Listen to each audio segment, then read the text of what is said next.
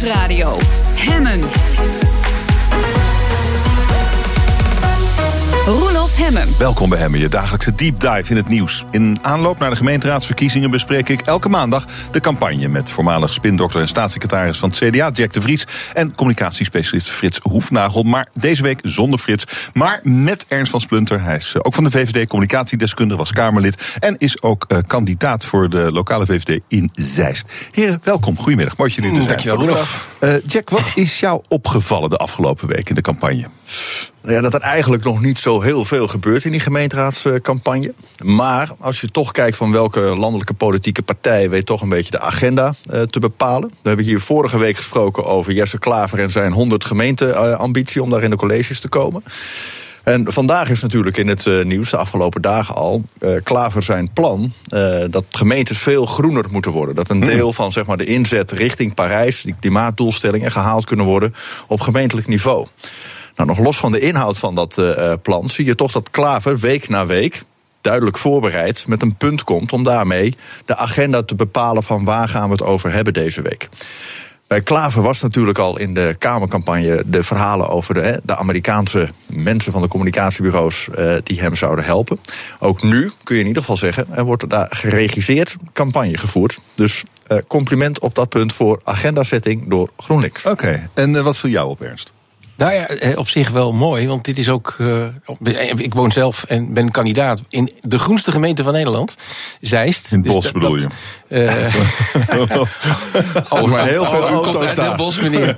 dus, uh, ja, nee, maar dat, uh, dat de campagne niet op gang komt, inderdaad. Nee. Dat, uh, uh-uh. dat alleen GroenLinks er dus kennelijk strategisch over nadenkt om aan agenda-setting te doen.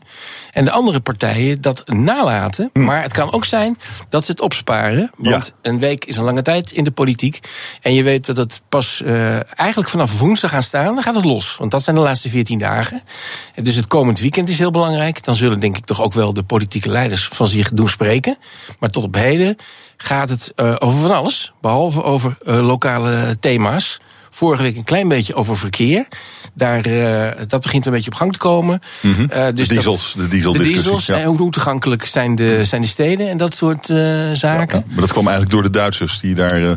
Ja, nu maar, veel strenger ja, in gaan worden. Maar, maar, okay, maar, dus, maar, dat kun je lokaal vertalen, maar dat is eigenlijk het enige. Maar wat, wat, wat Ernst zegt, Jack, je kan ook te vroeg vlammen. Het doet ja, er pas het is, echt toe in de laatste dagen. Ja, het is wat dat betreft net sport natuurlijk. Je ja. moet niet, uh, niet te vroeg uh, pieken. Uh, en plus, je moet ook wel de aandacht uh, van de samenleving hebben. En we zijn de afgelopen weken natuurlijk met de Olympische Spelen bezig geweest. De afgelopen weekend nog weer mooie resultaten met het, uh, met het wielrennen. Dus er zijn, is ook veel ander nieuws wat de mensen interesseert. Mm. Dus het is inderdaad een kwestie van de, van de laatste fase.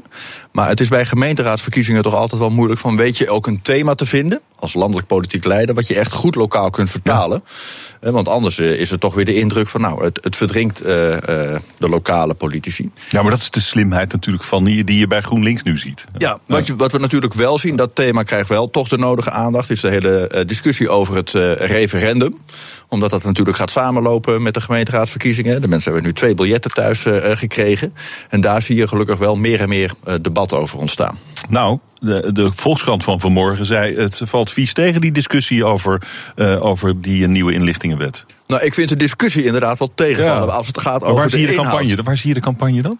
Nee, maar je ziet toch de, de, de nodige landelijke nieuwsrubrieken, of het nou de Wereldrijd ja, ja. is of Nieuwsuur, uh, daar is wel aandacht voor. Dat zijn natuurlijk toch rubrieken die de nodige mensen uh, bereiken. Mm. Uh, en ook in de kranten toch wel de nodige artikelen. Wat zijn nu de voor- en nadelen? En dit is echt wel ook een debat van wat, wat zijn feiten en wat is fictie. Want er worden ook de nodige beelden gecreëerd.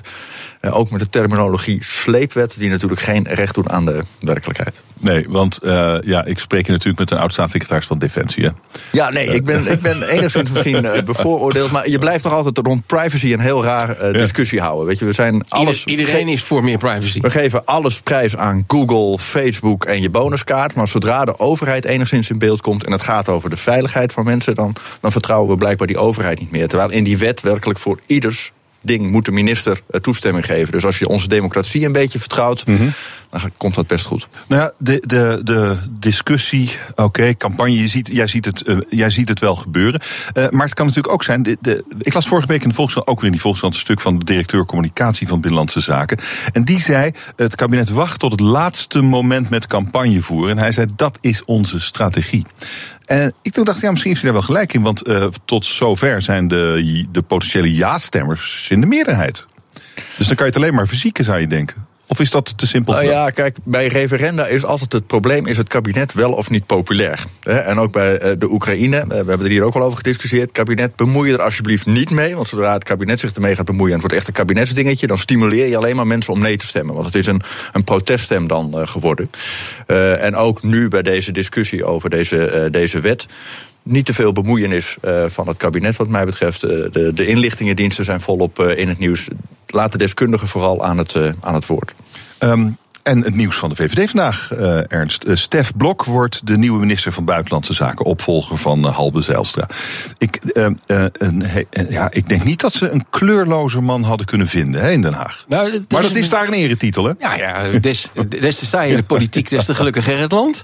Nou ja, en Mark Rutte, hij heeft denk ik ook gelet op wat er in het verleden gebeurd is. Echt gekozen voor 100% zekerheid. Want Stef Blok is door de jaren heen een van zijn meest betrouwbare spelers geweest. Hij heeft altijd een beroep op hem kunnen doen. Er is niets misgegaan.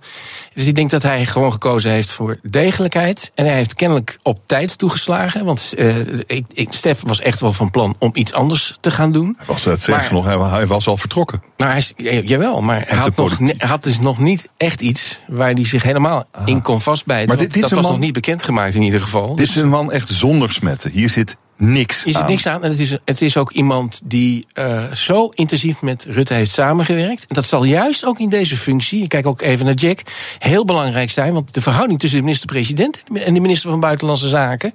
Hè, hmm. Onlangs is Ruud Lubbers overleden. En wij kennen nog in het verleden de problemen die hij had met Hans van den Broek. Zijn toenmalige minister van Buitenlandse Zaken.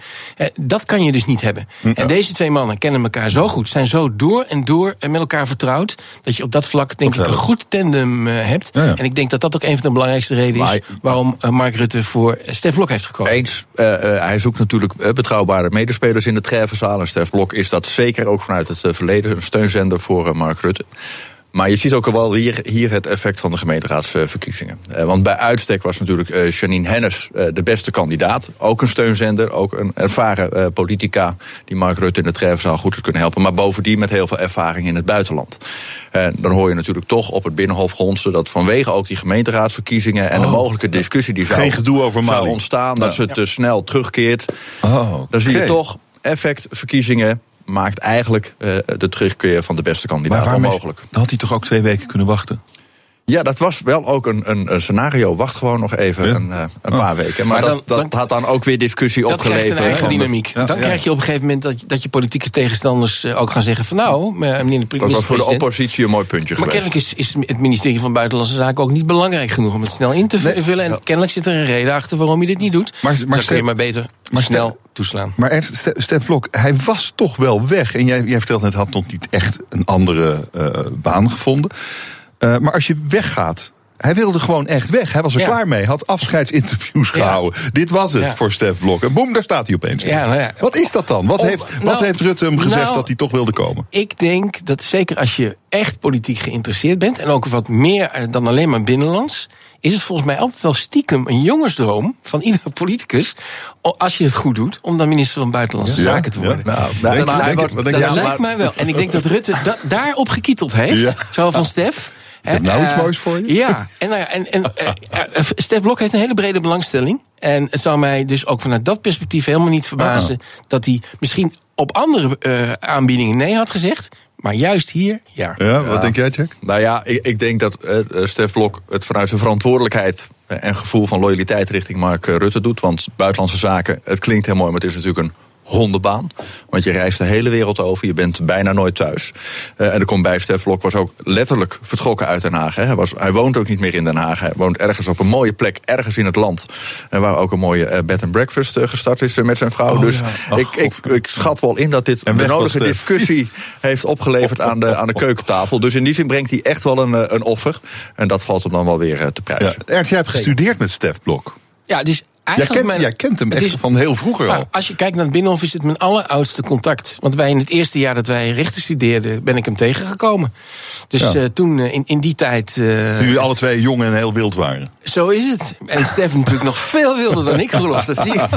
Dat zie ik al. Dat je dat.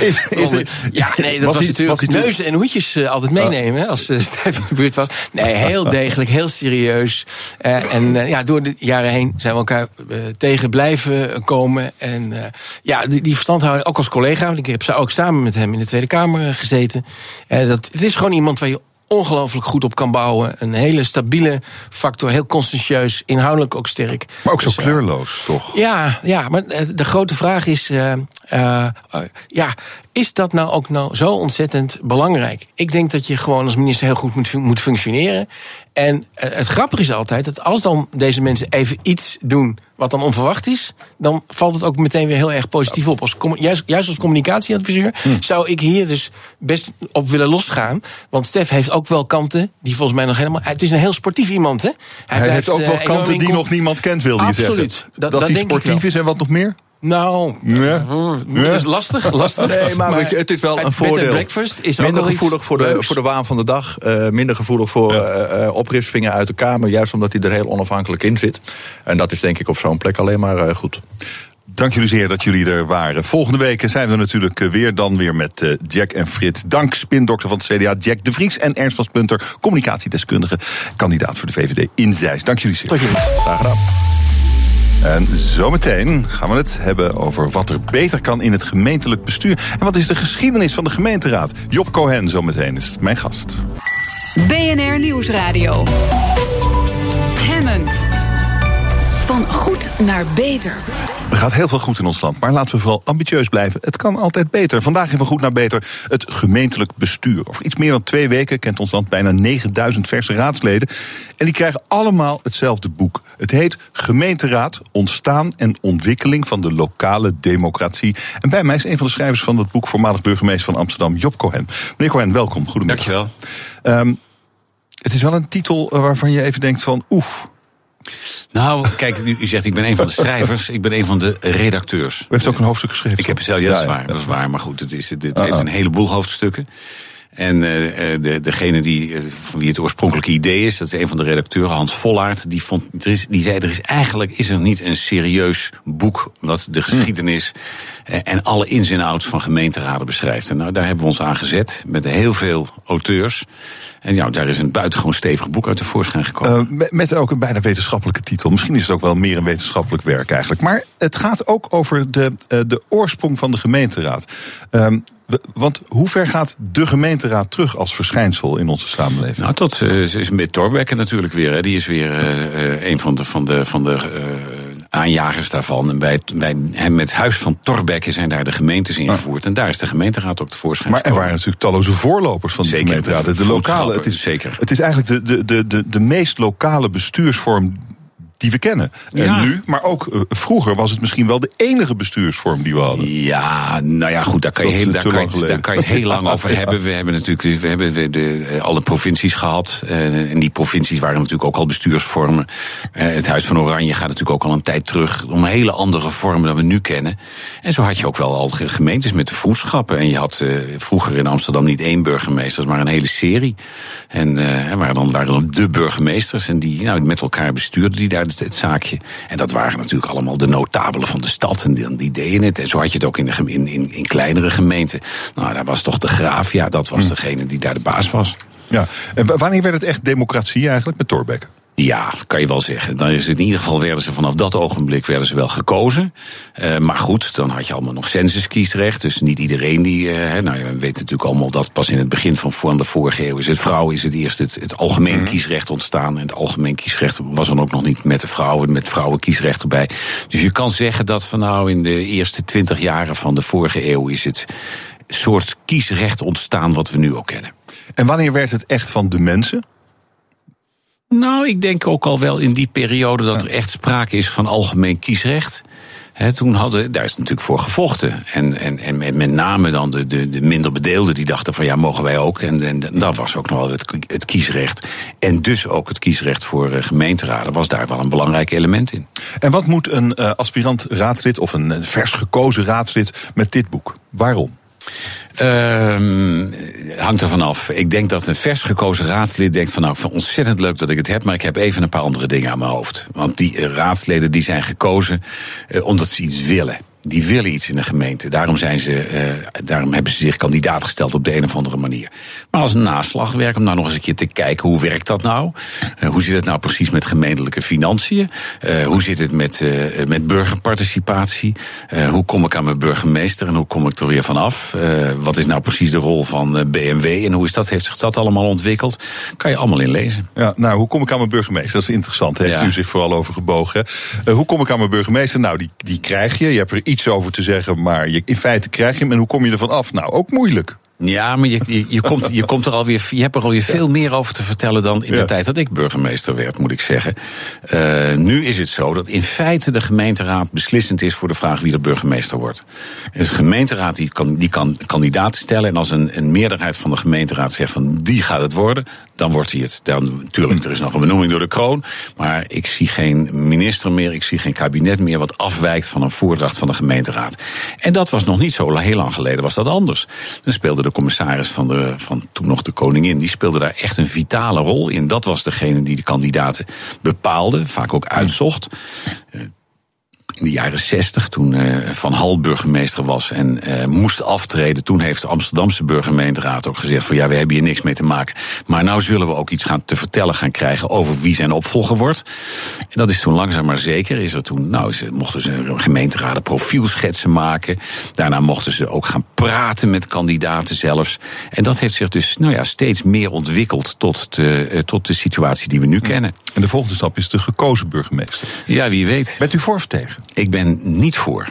Maar ook niet tegen. Nou ja, ik, nou, ik, ik vind het huidige stelsel eigenlijk beter. Ik moet zeggen, ik heb er lang over gedaan. Ik heb er veel college ook over gegeven. En dan zei ik altijd, ik ben op maandag ben ik voor de gekozen burgemeester... en op dinsdag ben ik voor de benoemde, door de gemeenteraad benoemde. Waarom ben, ik, waarom ben je voor een, een door, de, door, de, door de bevolking gekozen burgemeester? Omdat iedereen heeft van, kijk, als die burgemeester is de baas van de gemeente... mogen we die alsjeblieft kiezen. Zodra je een burgemeester gaat kiezen, dan is hij ook meteen dan, ja, dan gaat hij ook meteen voor de volgende verkiezingen. En dan gaat hij dus datgene doen wat hij, op zijn, wat, hij, uh, wat hij bedacht heeft. En dan is hij niet meer de burgemeester van de hele bevolking. En dat is hij in feite nu doordat hij er iets boven staat. Omdat die gemeenteraad, die moet, in meerderheid moet hij, moet hij hem kiezen. En je ziet dat ze dat eigenlijk heel bekwaam doen. En dat het toch heel dat op dit ogenblik burgemeesters, dat zijn toch in de politiek de, ja, de meest vooraanstaande figuren. En het is uh, vandaag maandag, dus u bent vandaag, vandaag tegen. Ja, jawel, telefoon, nou ja, meneer nee, hij gaat, hij, sorry hoor, hij, is, hij is al uit. Maar ik, om, om een voorbeeld daar nog van te noemen. Eh, eh, we hebben de afgelopen periode. In Rotterdam en in Amsterdam zat de Partij van de Arbeid niet in de gemeenteraad. We hebben Abu Taleb en Van der Laan als burgemeester gehad. En beide hartstikke populair. En waarom? Omdat die een beetje boven die partijen staan. Dus uiteindelijk ben ik daarvoor. Ja. Uh, uiteindelijk, dus dit is de definitieve opvatting ja, van Job Oké, okay, goed, vandaag. Ja. Nee, morgen ook. uh, over die gemeenteraad. Uh, de gemeenteraad op dit moment. Uh, ja, het hangt er een beetje vanaf waar je kijkt. Maar er zijn veel mensen die, uh, die zich zorgen maken over de gemeenteraad. we hebben sowieso al een lage opkomst bij de verkiezingen. Er zijn bijna geen kandidaten te vinden. We hebben de discussie over de versnippering. Al die partijen. straks komt de burgemeester van Den Haag. Daar, daar doen twintig partijen mee aan de verkiezingen. Er zitten nu 16 in de gemeenteraad. Ja. En dan gaan ze ook nog ruzie maken. Het is een tamelijk somber beeld van die gemeenteraad. Deelt u dat? Mm, ik, ik, begrijp dat wel. En de punten die, die, die u noemt, die, die, die, die zijn ook wel zorgelijk. Het feit dat het niet ontzettend. Kijk, nou ja, daar kan je ook weer twee kanten mee op. Dat weinig mensen stemmen. Ik kan ook zeggen, ja, mensen komen niet, want ze denken het gaat wel goed. Hebben wij niet nodig. Uh, en en dat, dat merk je toch ook bij heel veel mensen dat die die gemeentepolitiek helemaal niet volgen. Die zijn heel tevreden met zoals het gaat. Aan de andere kant, ja, ik vind dat ook zorgelijk. Het zou natuurlijk veel mooier zijn als mensen echt zeggen: van, dit zijn ons, mijn volksvertegenwoordigers. Ik laat het graag aan ze over. al die verschillende partijen die er komen. Dat is een beetje een voorafspiegeling van wat we ook landelijk aan het zien zijn. Dat die, de traditionele partijen, ja, die, die hebben het verdomd moeilijk. En dat is eigenlijk al begonnen in die gemeenteraden. En we hebben alweer lang geleden hebben Leefbaar Hilversum en Leefbaar Utrecht gekregen. Dat waren de eerste keren dat mensen zeiden van nou, die, die, die traditionele partij, daar doe ik het niet mee. Ik, we willen iets anders. Ja. En ja, nou, die, die, die hebben ook weer laten zien dat ze heel goed kunnen besturen. Kijk naar Rotterdam. Leefbaar Rotterdam heeft het daar helemaal niet beroerd gedaan. Uh, ze moeten wel meedoen. Uh, en op een gegeven ogenblik gaat het er wel om dat je wel weer meerderheden vormt in zo'n gemeenteraad. En dat is niet eenvoudig, maar dat, uh, nou ja, dat, dat, dat, is ook weer democratie. Het, het is natuurlijk. Het, het, is natuurlijk ook, je kunt als gemeenteraad zitten, je kunt wel heel ideologisch gaan zitten doen, maar uiteindelijk komt het er toch gewoon op neer dat die stad in orde moet zijn of dat dorp. Ja, maar daar zit ook ideologie bij. Kijk bijvoorbeeld ook weer op dit ogenblik naar Rotterdam en Amsterdam. Als het gaat over het hele sociale domein. Uh, over kijk naar de bijstand. Daar hebben ze in Amsterdam met een SP-wethouder een hele andere oplossing voor uh, gevonden. dan in Rotterdam met een leefbare uh, wethouder. Ja, ja. Dus daar zitten wel degelijk ook ideologische elementen aan. Maar ook een heleboel niet. Ik bedoel, die metro, die moet er komen. En als iedereen keer ligt, is iedereen heel tevreden. Het duurt even, maar dan is ook iedereen heel duurt tevreden. inderdaad vrij lang. Hè? En, de, en dan, dan is er nog de de burger, want uh, daar gaat het natuurlijk uiteindelijk allemaal om. U zegt al, ja, misschien vinden ze wel dat het prima gaat eigenlijk. En toch is er altijd bij, bij alle politici willen contact met de burger, willen participatie van de, die willen uh, dat die burger meedoet. Hoe doe je dat? Dat is verdomd ingewikkeld. En er zijn alle, we hebben weer alle nieuwe vormen van burgerparticipatie gevonden. Burgerbegrotingen, een burgerpanel. We hebben die beroemde G1000 hebben gekregen. Uh, wat je daarvan ziet, is dat het toch vaak weer, uh, ik zal maar zeggen, de oude witte mannen zijn die daar de boventoon voeren. Uh, en die dan toch ook weer zeggen van, nou, ik vind het interessant, ik doe wel weer even mee. Waardoor die echte een brede participatie heel moeilijk van de grond komt. Dus ja, dat, dat, blijft, dat blijft oefenen, eh, proberen. De ene gemeente doet het op deze manier, de andere gemeente doet het op die manier. Soms werkt het, soms werkt het niet. Absolute en, en definitieve oplossingen, die zijn er niet en die komen er niet. Maar het probleem is, zegt u, de oude witte man. Hoe krijg je de oude witte man aan de kant? Ja. Dat is eigenlijk ja. het grote probleem van participatie. Ja. Nou, ja, maar, nou ja, je ziet dat die, dat die, uh, daar weer, weer, dat die een oververtegenwoordiging daarin zijn. En als je nou dus, als je het over, zo, uw vraag stelt hem ook zo, doen, je wil heel graag dat burgers meedoen. Nou ja, dat zijn niet alleen maar oude witte mannen. Sterker nog, je zou juist willen dat jeugdigen, dat die ook gaan meedoen. Het is tenslotte hun gemeente. Het, gaat, het is hun toekomst waar zij in wonen. Nou ja, nog zo'n thema wat op dit ogenblik natuurlijk eens enorm speelt, is wonen. En, en, dan is het juist voor jongeren in een stad als Amsterdam, maar in het hele, in het hele Westen is het natuurlijk hartstikke belangrijk, westelijk Nederland. Ja, er zijn geen, geen betaalbare woningen voor ze. Nou, dan zou ik het wel weten. Dan zou ik willen dat er mensen in die gemeenteraad komen die daar keihard voor gaan knokken. En over iets meer dan twee weken kunnen we op die mensen stemmen. Dank u wel voor dit gesprek. Job Cohen, voormalig burgemeester van Amsterdam en co-auteur van het boek Gemeenteraad en Ontwikkeling van de Lokale Democratie. En voor meer lokale politiek. Dit is onze Big Five week over de lokale politiek. Begin om 1 uur met Pauline Krikke, burgemeester van Den Haag. BNR Nieuwsradio. Hemmen. Hemmen. Fijn dat je luistert naar Hemmen, je dagelijkse deep dive in het nieuws. De douane bereidt zich voor op de brexit. Ze zoeken honderden, bijna duizend extra douaniers. Maar ook bedrijven moeten aan de gang. Mijn gast is Bart Boersma. Hij heeft een bedrijf, Customs Knowledge heet dat. En dat gaat over het adviseren over douanezaken. Meneer Boersma, welkom. Goedemiddag. Dankjewel. Uh, hoe die brexit eruit gaat zien, we weten het nog niet helemaal. De chaos, in, uh, in, vooral in Groot-Brittannië, wordt alleen maar groter, lijkt het. Maar wat weten we wel? Als je een bedrijf hebt, waar kun je dan nu al rekening mee houden? Nou, we weten van de afgelopen vrijdag van de toespraak natuurlijk dat de douane-Unie toch uh, zonder, de VK, uh, zonder het VK doorgaat. Dat het Verenigd Koninkrijk ook de interne markt echt wel wil gaan uh, verlaten. En dat heeft grote gevolgen voor bedrijven. En die kunnen echt nu aan de slag. Ze moeten nu aan de slag. Hm. Dus uw advies is in elk geval op basis. Nou, we hebben John Major, oud-premier van Groot-Brittannië, horen zeggen van nou misschien moeten we toch weer een nieuwe, nieuw referendum doen. We hebben Jeremy Corbyn, de Labour-leider, horen zeggen van nou misschien is een douane-Unie toch wel een goed idee. U zegt negeer dat. Ga uit van een brexit en misschien wel van een keiharde brexit. Ja, die harde brexit lijkt uh, onafwendbaar. Uh, uh. Maar goed, ik ben niet uh, politiek okay. zeer geëngageerd in deze. Maar toch, het, het, kan alleen dan nog maar meevallen. En als het niet meevalt, we hebben nog maar een jaar vanaf nu... dan zul je toch wel heel veel dingen moeten gaan doen... en dan is een jaar echt te kort voor het bedrijfsleven. Wat moet je doen? Wat je moet doen, dat is eerstens in, in kaart brengen of je wel of niet handelt met het Verenigd Koninkrijk natuurlijk. Dat is te gemakkelijk voor woorden, maar dat is wel de eerste stap. Maar kan, je, kan je dat over het hoofd zien? Nou ja, ik denk niet dat je dat erg over het hoofd kunt zien. Dus gaan we direct door naar stap 2. Ga aan de slag en ga inventariseren hoe die handel in elkaar zit. Welke producten dat betreft. Welke afspraken zijn er gemaakt. Want ja, één ding is zeker, je zult met elkaar in overleg moeten. Andere afspraken moeten maken. Leveringscondities afspreken die je eerst helemaal niet hoefde te doen. Je moet met elkaar bespreken wie die invoer- en uitvoeraangifte doet. Heel veel formaliteiten komen erbij. En dat uh, brengt kosten met zich mee en heel veel zorg. Ja, Wat, wat, wat, wat, zijn de, wat zijn de grootste zorgen? Ik, ik snap wat u zegt. Je moet natuurlijk je moet weten met wie je, uh, met wie je handelt. Ja, tuurlijk, wat je dan verhandelt. Maar maakt dat überhaupt iets uit wat je verhandelt? Ja, dat maakt in zoverre uh, veel uit. Omdat we oh. nu al voor heel veel producten weten waar niks aan verandert. In die zin, als je bijvoorbeeld computers en computergerelateerde apparatuur verhandelt dan is het douanerecht nu nul en zal het recht nul blijven. Want of we nou een harde of een softe brexit hebben, wereldwijd hebben we afgesproken dat bijvoorbeeld computergerelateerde apparatuur met 0% douanerecht wordt uh, behandeld. Ja, of Trump zou nog weer gekke dingen moeten gaan bedenken, maar ja, ja. daar gaan we maar even niet van uit. Um, Accijnsproducten, daar zul je altijd accijns voor moeten betalen. alcohol, minerale olie, als je dat nu vervoert naar het Verenigd Koninkrijk, moet je daar nu al formaliteiten voor vervullen, maar dadelijk meer.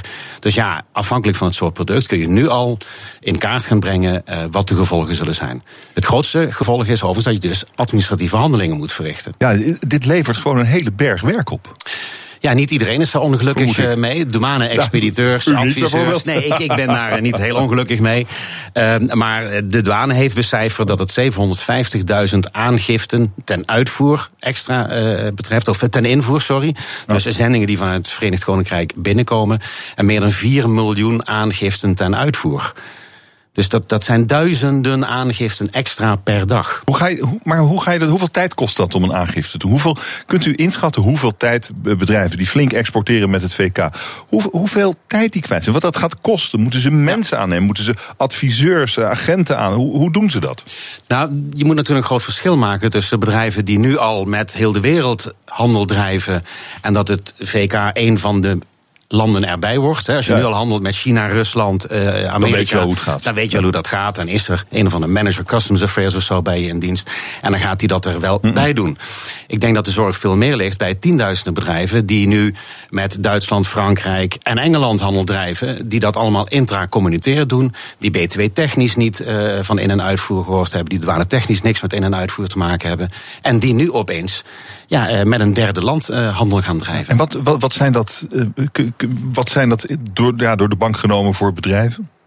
Dat kan uh, klein MKB, groot MKB en niet de multinationals zijn. De, de, de, echte multinationals. Maar het is van alles en, en alle sectoren overal. En wat betekent het voor die bedrijven? Dus die relatief kleine bedrijven die nu eigenlijk gewoon vrachtauto vol op, op, de, op de veerboot en uh, dat is het. Ja, dat betekent dat zij nu, als zij die vrachtwagen op de veerboot willen zetten, van tevoren al een aangifte zullen moeten gaan doen. Anders mag die vrachtauto er niet mee.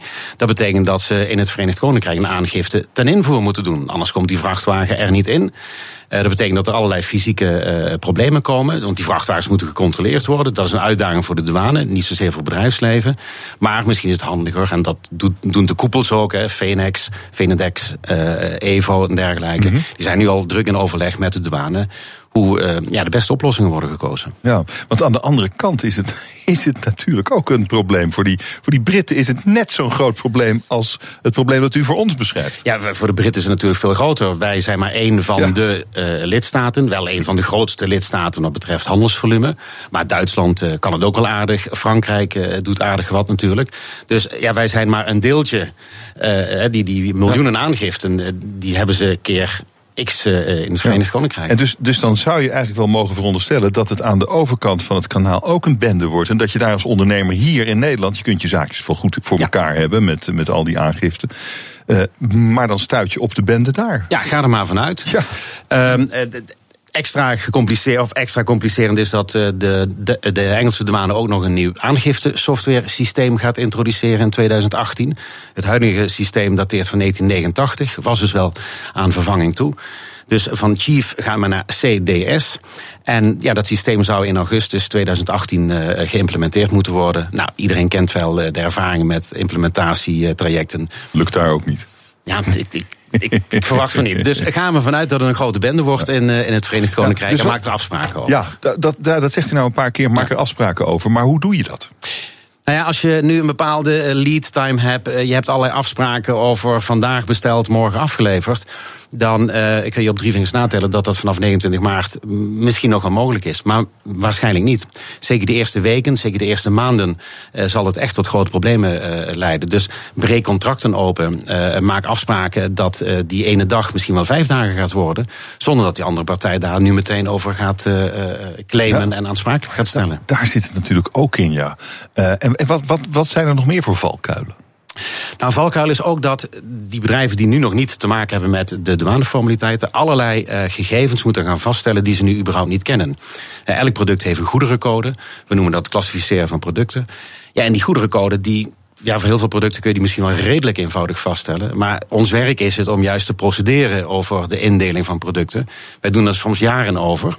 Dus als je honderden producten moet gaan indelen, moet gaan klassificeren, dan is dat nog een uitdaging.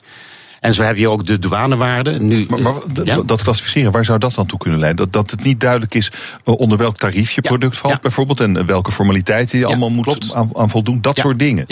Ah, Oké, maar dat, uh, dat zou de douane aan de overkant dan toch voor je moeten kunnen regelen? Nee, nee, dat, uh, helaas. Dat is, uh, om het in het Engels te blijven, wishful thinking.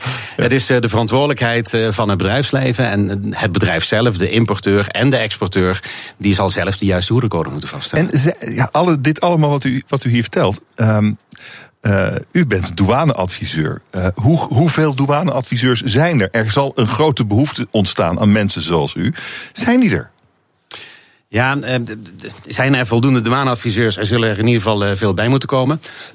maar. Uh, ja, ook vooral douane-expediteurs spelen nu een rol. Hè. Zij zijn een beetje tussenschakel. Zij doen de aangiften. Zij kunnen miljoenen aangiften doen.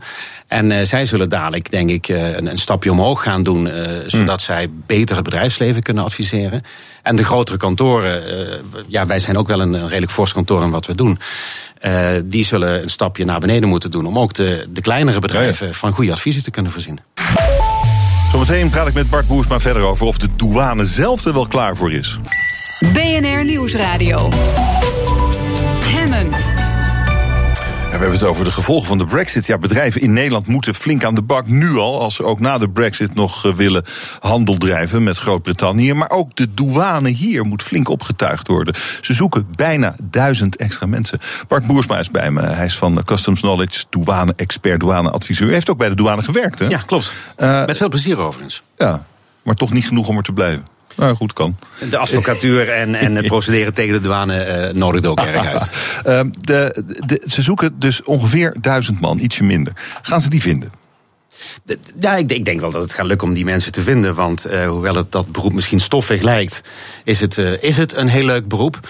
Um, en uh, zijn er, voor zover ik weet, wel aardig wat mensen die daarin geïnteresseerd zijn. Het is een goede werkgever volgens mij ook. Het is een uitdagende baan.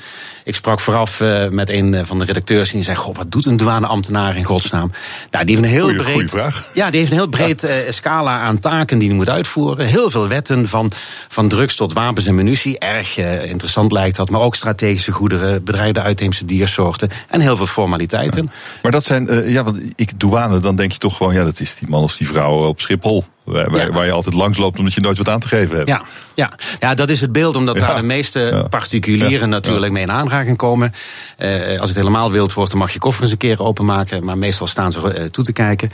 Maar de, de honderden mensen die gezocht worden, die staan niet op Schiphol uh, bij de passagiers, maar die staan bij vracht en in Rotterdam in de haven. Wat, wat, wat moeten die mensen kunnen? Nou, die, die mensen moeten in ieder geval verstand hebben van, van het recht. En dat, dat is nog niet heel eenvoudig. Want van de ene kant ben je dus een beetje een jurist. Van de andere kant moet je begrijpen hoe de logistiek in elkaar zit. Um, je moet heel veel dingen tegelijk. En dat, daarover ben ik dan ook wel een beetje kritisch als ik de minister hoor. Die zegt we gaan taakgericht opleiden. Uh, normalerwijs duurt een opleiding 9 tot 22 maanden. Um, nu moet dat dan korter uh, worden. En een taakgerichte opleiding, dat lijkt zo'n beetje van we halen de helft eruit, want het is niet nodig.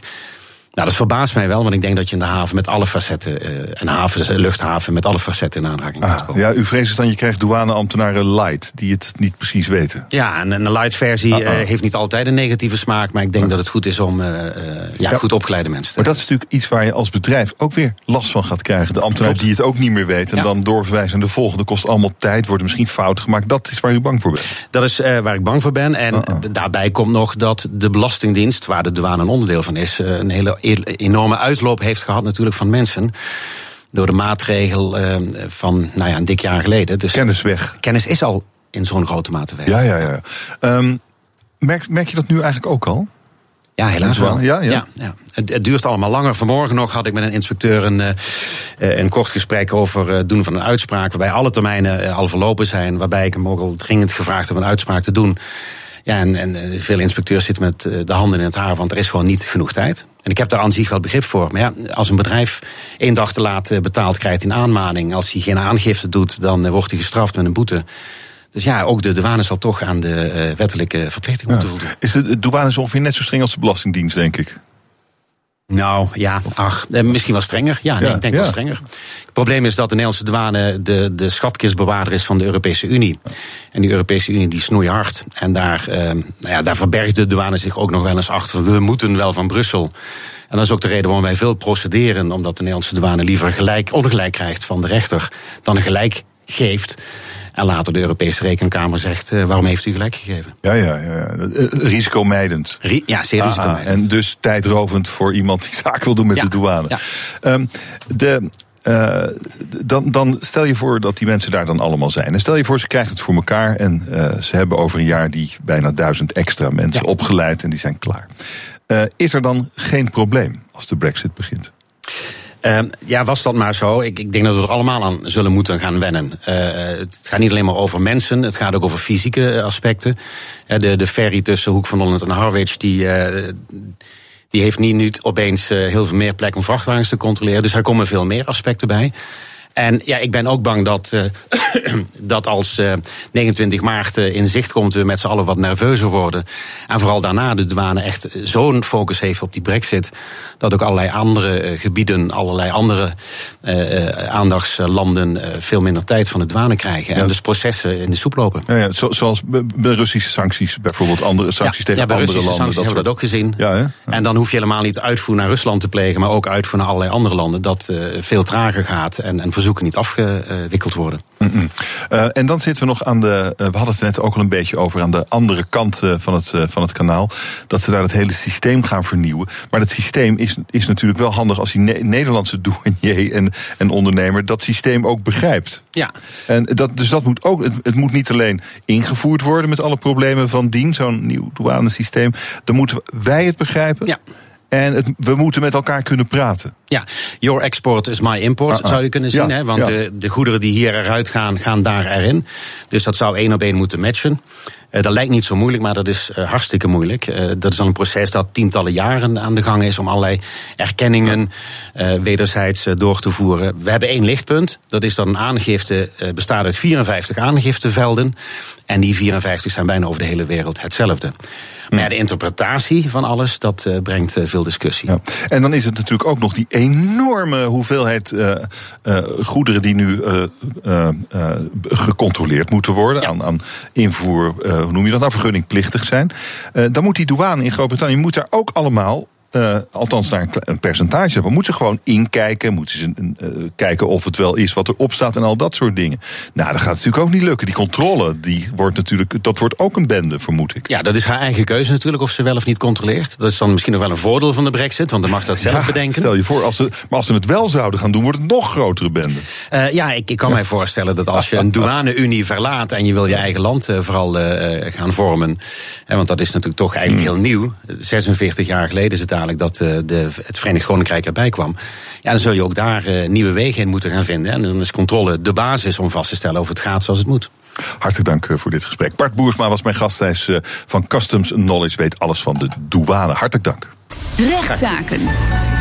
En voor de zaak van de week is hier advocaat Sebas Dijkstra van Dijkstra van der Laan Advocaten. Mooi dat je er bent. Hoi. Hoi. Uh, je hebt een, uh, een zaak meegenomen die gaat over geweld tegen homo's. Vertel. Ja, het is in ieder geval een zaak die je twee weken geleden gediend heeft bij de rechtbank. En aanstaande vrijdag, uh, 9 maart, wordt er uitspraak gedaan. Het gaat om anti-homo-geweld, zoals ze dat genoemd hebben. Zeer heftig geweld overigens. Uh, waar gaat het om? In juni vorig jaar zouden twee mannen, uh, waarschijnlijk heeft men dat wel in de media vernomen, ernstig mishandeld zijn op het Damrak in Amsterdam. En enkel en alleen omdat ze homoseksueel zouden zijn. En er zijn drie mannen aangehouden van 23, 26 en 28 jaar. En er blijkt er thans nog één voortvluchtig. Ehm, nou, het, letsel wat uh, de mannen daaraan hebben overgehouden blijkt ook heel heftig te zijn geweest. Eén uh, moet het doen zonder voortanden. Ehm, nou ja, als, als ik de, de slachtofferverklaringen heb aangehoord, is het echt een heftig incident geweest. eentje is zijn baan kwijtgeraakt. ze durven de deur niet meer uit. Nou, de impact is echt enorm geweest. En wat was de directe aanleiding voor, voor deze mishandelingen? Ja, in, tijdens, de, tijdens de rechtszaak zijn een aantal vreemde dingen gezegd. bijvoorbeeld, dat, dat kwam van de kant van de verdediging. Uh, wij, wij dachten dat ze ons wilden verkrachten. Dus dat werd over de, de, de, de twee homoseksuelen gezegd. Van wij dachten dat zij ons wilden verkrachten. En dat is de reden waarom we ze zo ernstig hebben mishandeld. Nou ja, dat, dat klinkt zoals uh, advocaat Smeet namens de slachtoffers ook zei. Dat klinkt als blame the victim. Hè. Verzin een list om, uh, om het slachtoffer aan te pakken. Wat voor types zijn de daders? Je noemde de leeftijden. Wat weten we meer? Ja, nou, we, we weten één, nog iets anders. Er zou ook een filmpje gemaakt zijn. En op dat filmpje zouden ze iets gezegd hebben van. Uh, nou, we hebben die homo's even. Uh, keihard gekrast. Weet je, dat soort woorden uh, zijn gebruikt. Dus daaraan kan je al uh, nou ja, aanvoelen dat ze het echt gericht hadden op mm. hen, omdat ze homoseksueel waren.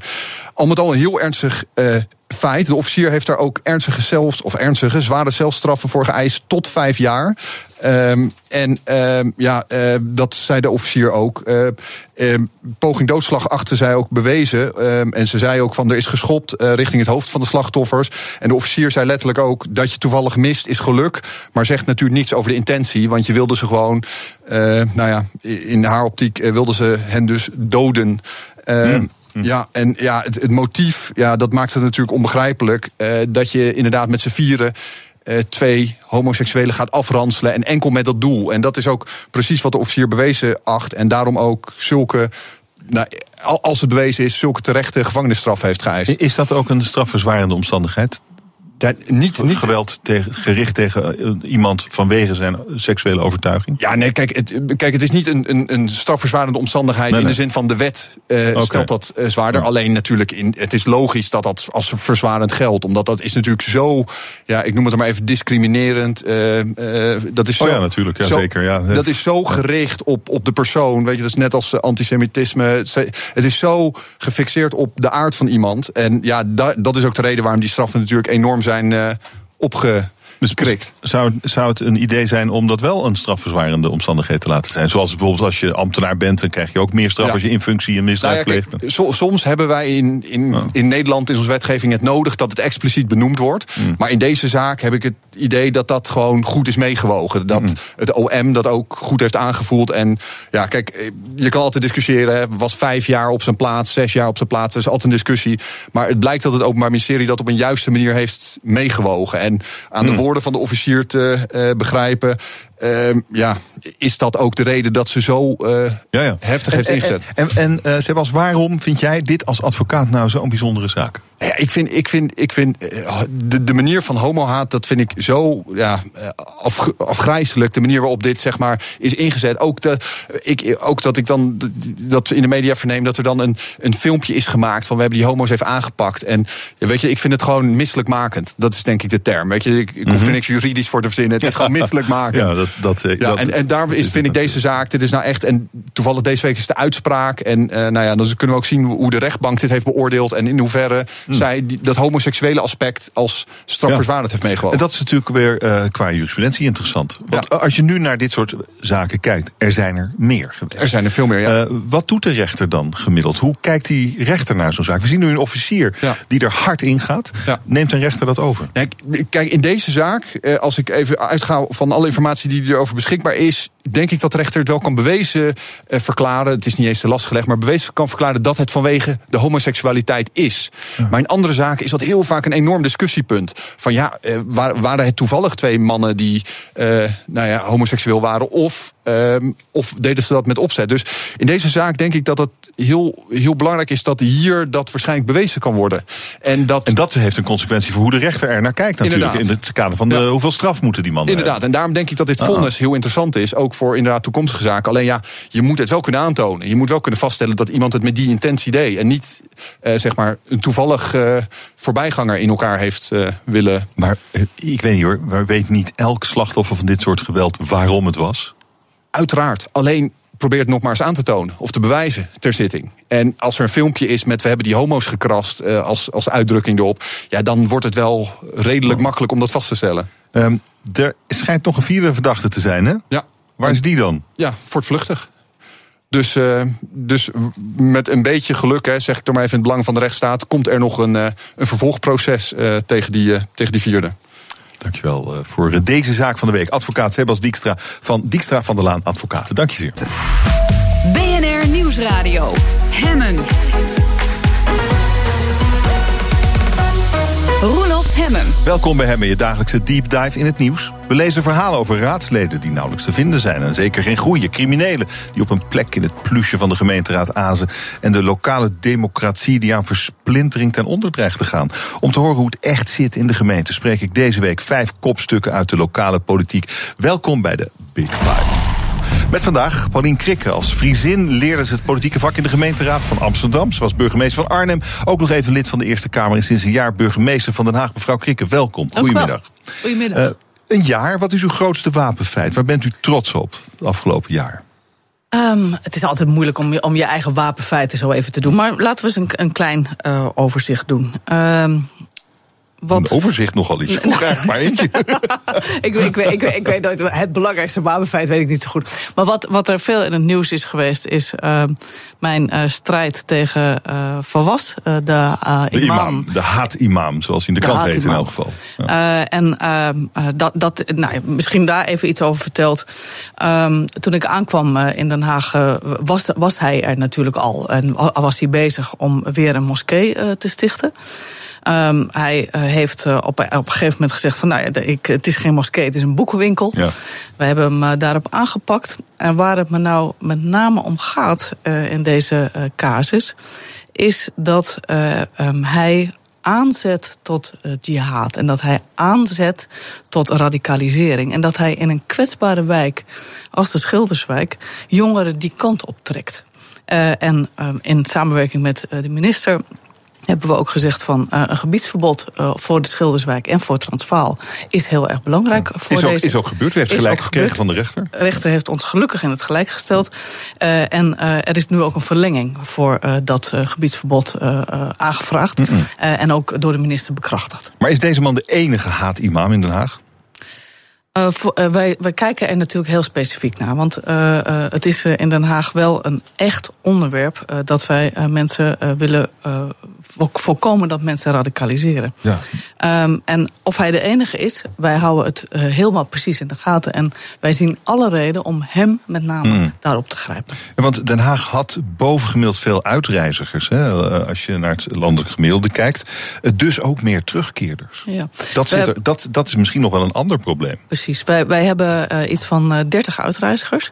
Uh, en die kunnen op een dag natuurlijk ook terugkomen. Zijn ze nog niet terug aan het komen? nee, dat zijn op dit moment niet aan het terugkomen. U wij weet dat ze nog niet terugkomen. U houdt ze heel goed in de wij gaten. Wij houden het heel scherp ja, in de gaten. Want wij, wij, uh -uh. wij denken dat terugkeerders dat die ook ontwrichtend kunnen zijn voor je samenleving. Dat we daarom ook heel precies moeten weten waar ze zijn. U weet ook dat het Openbaar Ministerie veroordelingen doet voor mensen omdat ze buitenlandse krijgsdienst hebben gehad. Zodat ze niet zomaar terug kunnen komen uh, naar Nederland.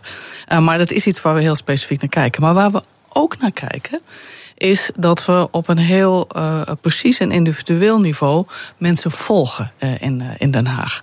Natuurlijk doen we uh, om uh, radicalisering tegen te gaan de grote programma's. Hè. We, we uh, hebben moeders in de Schilderswijk die we vertellen hoe ze het gesprek kunnen aangaan met hun, met hun kinderen. En ook hoe docenten signalen kunnen oppikken en hoe die ook het gesprek kunnen aangaan. Maar natuurlijk kijken we ook echt heel erg naar, samen met het Veiligheidshuis in Den Haag, naar de specifieke mensen die een, een, radicale opvatting zouden kunnen ja. hebben. Ja, ja, zouden kunnen hebben. Uh, dus uh, zelfs als iemand het zelf nog niet weet, nee, dan, dan, dan, bent u al aan het meekijken. ja, hoe, nee, hoe nee, doet u dat dan? Nee, nee, nee, zo, zo, zo, zo, zo, kan het uh, natuurlijk niet. Maar, maar, hoe gaat dat dan? Maar, maar kijk, wij, krijgen, wij krijgen signalen uit de, uit de samenleving van letters op die of ja. letters op die. dan gaan we meekijken. En wie is dan bij, als ik vraag mag? Is dat uw politie? Of is dat politie, het Openbaar Ministerie, ah, ja, de, de driehoek in Den Haag. Kortom, maar natuurlijk ook de hulpverlening die daarbij hoort. Want soms nemen mensen de ene afslag en soms nemen ze de andere afslag.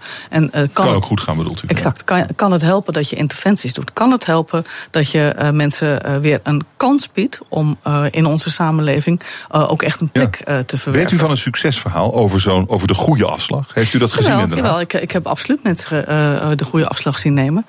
Um, bijvoorbeeld door, we hebben op de Haagse Markt hebben we Appie, die, die, die kramen zet. en hm. die mensen die van het pad afgedwaald zijn, niet alleen met radicalisering, maar met heel veel verschillende achtergronden. Die zorgt dat mensen weer een echte plek in de samenleving krijgen. Maar die ook s morgens om half zeven even belt waar je blijft. Uh, dus, dus die aan, aan die twee kanten erin zit.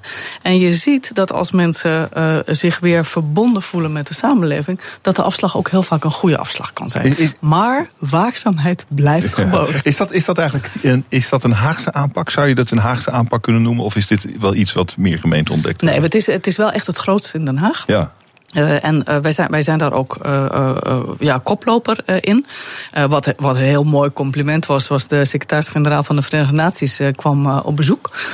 en die heeft ook middels zijn eigen Twitter-account nog een keer met de wereld gedeeld dat hij de Haagse aanpak echt een, een, een, exemplarisch vond voor de rest van, Nederland, van de wereld. -huh. en dat het echt een andere en betere aanpak is dan die hij ooit had gezien. nou is het natuurlijk een verkiezing over 2,5 week. Vandaar deze week van de Big Five uit de uit de lokale politiek. Maar is dit eigenlijk iets waar een gemeenteraad zich mee bemoeit? Zeker. En gelukkig is de Haagse gemeenteraad er ook buitengewoon scherp op. Maar u gaat waarschijnlijk niet veel meer vertellen tegen de gemeenteraad dan u nu hier vertelt.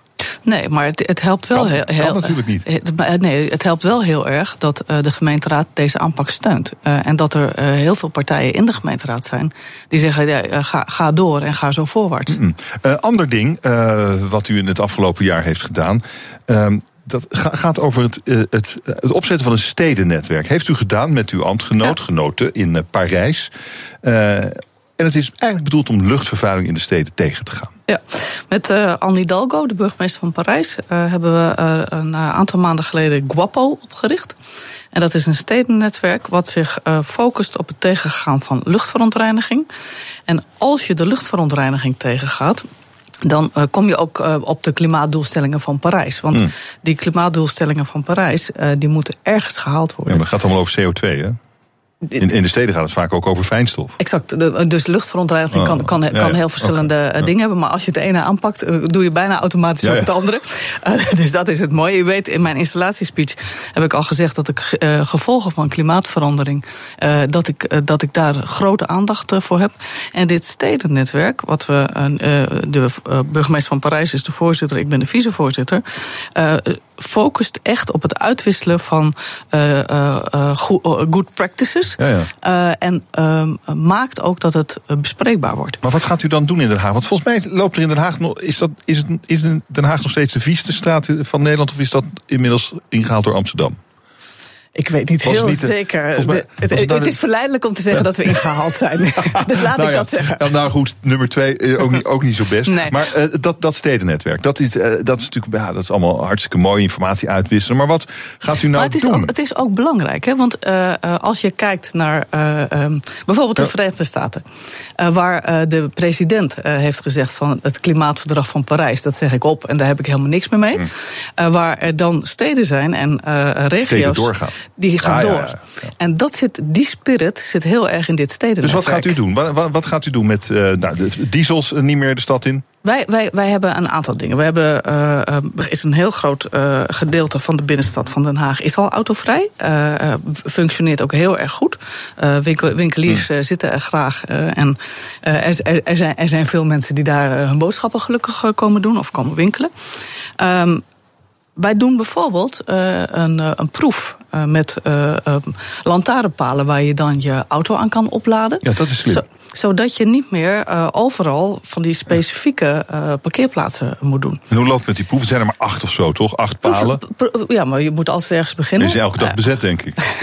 nee, maar het is, zo, het is waar, waar, die proef met name voor over gaat, is niet zozeer of mensen dat willen. Mm. Waar die proef over gaat, is of de techniek goed genoeg ontwikkeld is om die laadpalen echt, uh, oh, okay. lantaarnpaal echt een laadpaal oh, te En wat zeggen de eerste resultaten? De eerste resultaten zijn goed. En wat gaat u dan doen? Alle lantaarnpalen geschikt maken? Dat lijkt me dan een, een volgende stap. Want, en allemaal in één keer zal wel weer veel te veel zijn. Want technisch zal het wel niet helemaal kunnen. Maar dan maak je een enorme slag. En wat je ook ziet, is dat uh, bijvoorbeeld in Den Haag het, de energie die opgewekt wordt door zonnepanelen, dat dat het hoogste, de hoogste dichtheid heeft in heel Nederland. Komt dat door de gemeente, denkt u? Nee, ik denk dat het oh. eigenlijk, wat het is onderzocht, het komt door particulieren. Dus particulieren vinden het fijn om uh, zonnecellen op hun dak te hebben.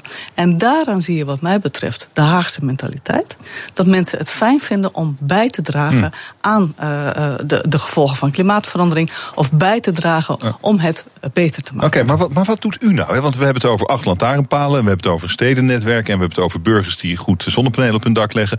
Uh, maar wat kan je, wat, wat, waar nou, kunt u nou het verschil maken? Je kan bijvoorbeeld uh, nog eens even echt heel goed kijken naar je eigen woningbouw. Uh, hmm. Tot 2040 ehm, moeten er in Den Haag iets van 100.000 extra mensen gehuisvest worden.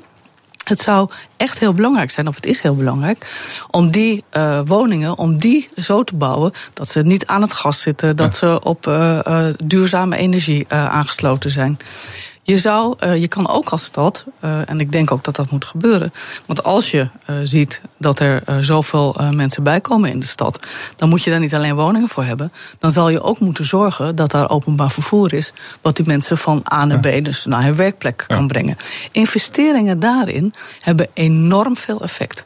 En ik denk dat een lokale overheid dat soort dingen echt voor op uh, moet zetten. Laten we naar die huizen kijken dan. Want uh, eh, 100.000 mensen, nou, dan heb je misschien wel 30.000 woningen nodig. Ja, 50. Uh, 50, 50 zelfs. 50, ja. Eh, gaan die allemaal uh, zelfvoorzienend zijn? Allemaal nul op de meter woningen? Uh, hebben die geen van allen een gasaansluiting? Dat zou uh, in een ideale wereld. maar. is, dat, is dat in één keer klaar? Ik denk ook dat je dat zou moeten willen. Ik denk ook dat je alles wat je nieuw bouwt, dat dat die kant op moet. Dat dat technisch niet in één keer kan, dat snap ik ook wel. Maar we hebben ook in Den Haag afgesproken dat in 2040 het echt CO2-neutraal moet zijn. Ja, maar dus- dan heeft u toch, dan kunt u als stad wel zeggen.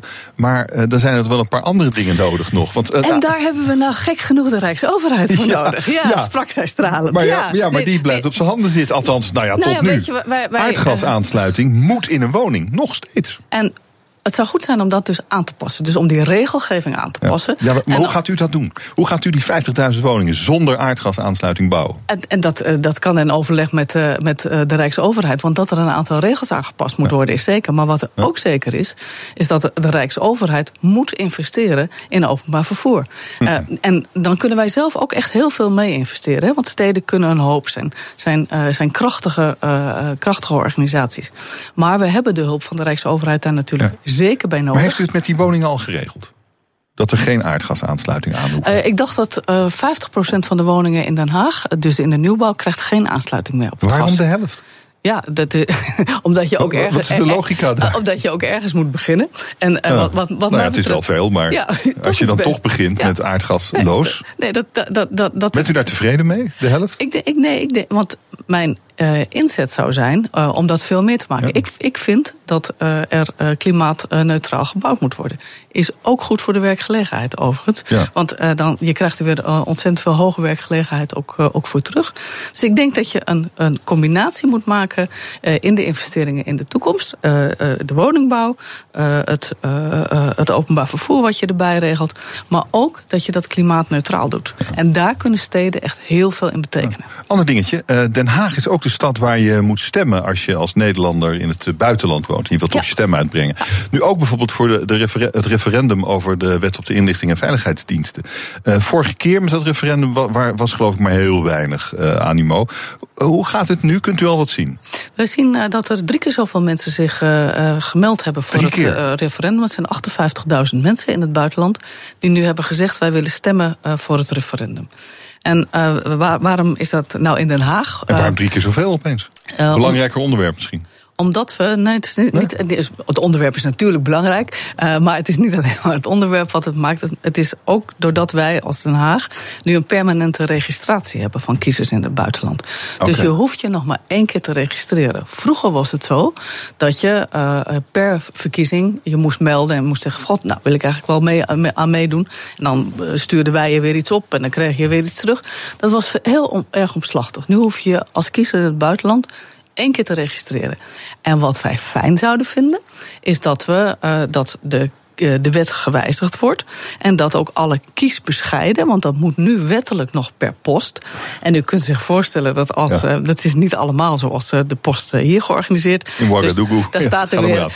in, in, diep in Afrika staat zo'n zo'n postzak in de hoek te wachten tot die verspreid wordt. Dat kan vaak na de verkiezingen zijn. Dus de mogelijkheid om stempassen en stembescheiden digitaal te sturen. daarvan zou ik het heel fijn vinden als dat zou gebeuren. Mijn gast is Pauline Krikke, de burgemeester van Den Haag. En zometeen praat ik met haar over haar zorgen over zetelroof en versplintering in de lokale politiek. BNR Nieuwsradio. Hemmen. Mijn gast is Pauline Krikke, zij is burgemeester van Den Haag. Mevrouw Krikke, uh, de, de, er zijn noodkreten geregistreerd de afgelopen tijd van burgemeesters die zeggen: steden, onze steden, onze gemeentes worden onbestuurbaar. Um, en dat heeft dan te maken met bijvoorbeeld de versplintering in de gemeenteraad. Uh, in Den Haag. Uh, nu 16 partijen in de gemeenteraad, 45 zetels. Er doen er nu 20 mee aan de verkiezingen. Is een stad met nou 16 partijen, straks misschien wel 18, 19, 20 partijen te besturen? Is dat goed? Is dat efficiënt? Ik denk dat de versplintering niet zozeer het probleem is. Uh, de kiezer kan uh, tegenwoordig bij, bij, een bij hem of haar passende partij vinden om op te stemmen. En het is wat mij betreft dus niet een groot probleem hmm. dat er zoveel partijen zijn. Wat ik een veel groter probleem vind, en uh, waarvan, wat ik ook echt problematisch vind, is dat mensen die zich afsplitsen van een partij hun zetel meenemen. Zetelrover, zo je hmm. wilt. Um, dat vind ik om een aantal redenen een probleem. Uh, belangrijkste reden is dat de kiezer niet gestemd heeft op uh, degene die uh, met de zetel er vandoor gaat. Of die, die standpunten heeft. die, de, want de kiezer heeft idealiter alle partijprogramma's vergeleken. En heeft tot een weloverwogen keuze. Dat, tot een weloverwogen keuze gekomen. Maar in ieder geval komt iedereen tot een weloverwogen keuze. Waarom hij of zij op deze partij wil stemmen. En als diegene die met die zetel dan er vandoor gaat. dan gaat hij er eigenlijk gaat hij aan de haal met de, de stemmen van die die kiezers. En dat vind ik, uh, in een de, uh, met een democratische verkiezing, ja. vind ik dat dus eigenlijk okay. niet goed. Ja, maar dat, dat is een heel principieel standpunt eigenlijk. Of merkt u dat een stad daar, wat u heeft zelf ook een paar keer tegen, nou, heeft, is dat ook nadelig voor het bestuur van ja, de stad? dat is absoluut nadelig. Maar hoe dan? Uh, omdat je, omdat je, je, je, krijgt dan fracties die eigenlijk geen mandaat van de kiezer hebben. en die gewoon voor zichzelf okay. begonnen zijn. Maar dat is, ook nog, dat is ook nog principieel. Waar, waar ziet u het in de praktijk gewoon echt een bende worden? Nou, kijk, mijn andere standpunt dat uh, ik niet vind dat het hebben van heel veel verschillende partijen, dat dat noodzakelijkerwijs een probleem is. Mm. Uh, dat, dat sluit daarbij ja. bij aan. Dus ik, ik zeg nee, ik, dat op zichzelf is geen probleem. Maar wat ik wel een probleem vind, is als mensen niet met voorkeurstemmen een zetel binnengehaald hebben. Dus voorkeurstemmen ja, vind ik iets anders. Ja, uh, maar als je gewoon op de lijst van een partij hebt gestaan en je bent, doordat er voldoende stemmen op die lijst gekomen zijn, ben jij gekozen, dan vind ik dat het niet uh, mogelijk zou moeten zijn dat je uh, je zetel meeneemt. En ik vind ook dat de kieswet daarop aangepast moet worden. En dat dat onmogelijk gemaakt ja. zou moeten worden. Um, zal, zal dat gebeuren? Heeft u daar zicht op?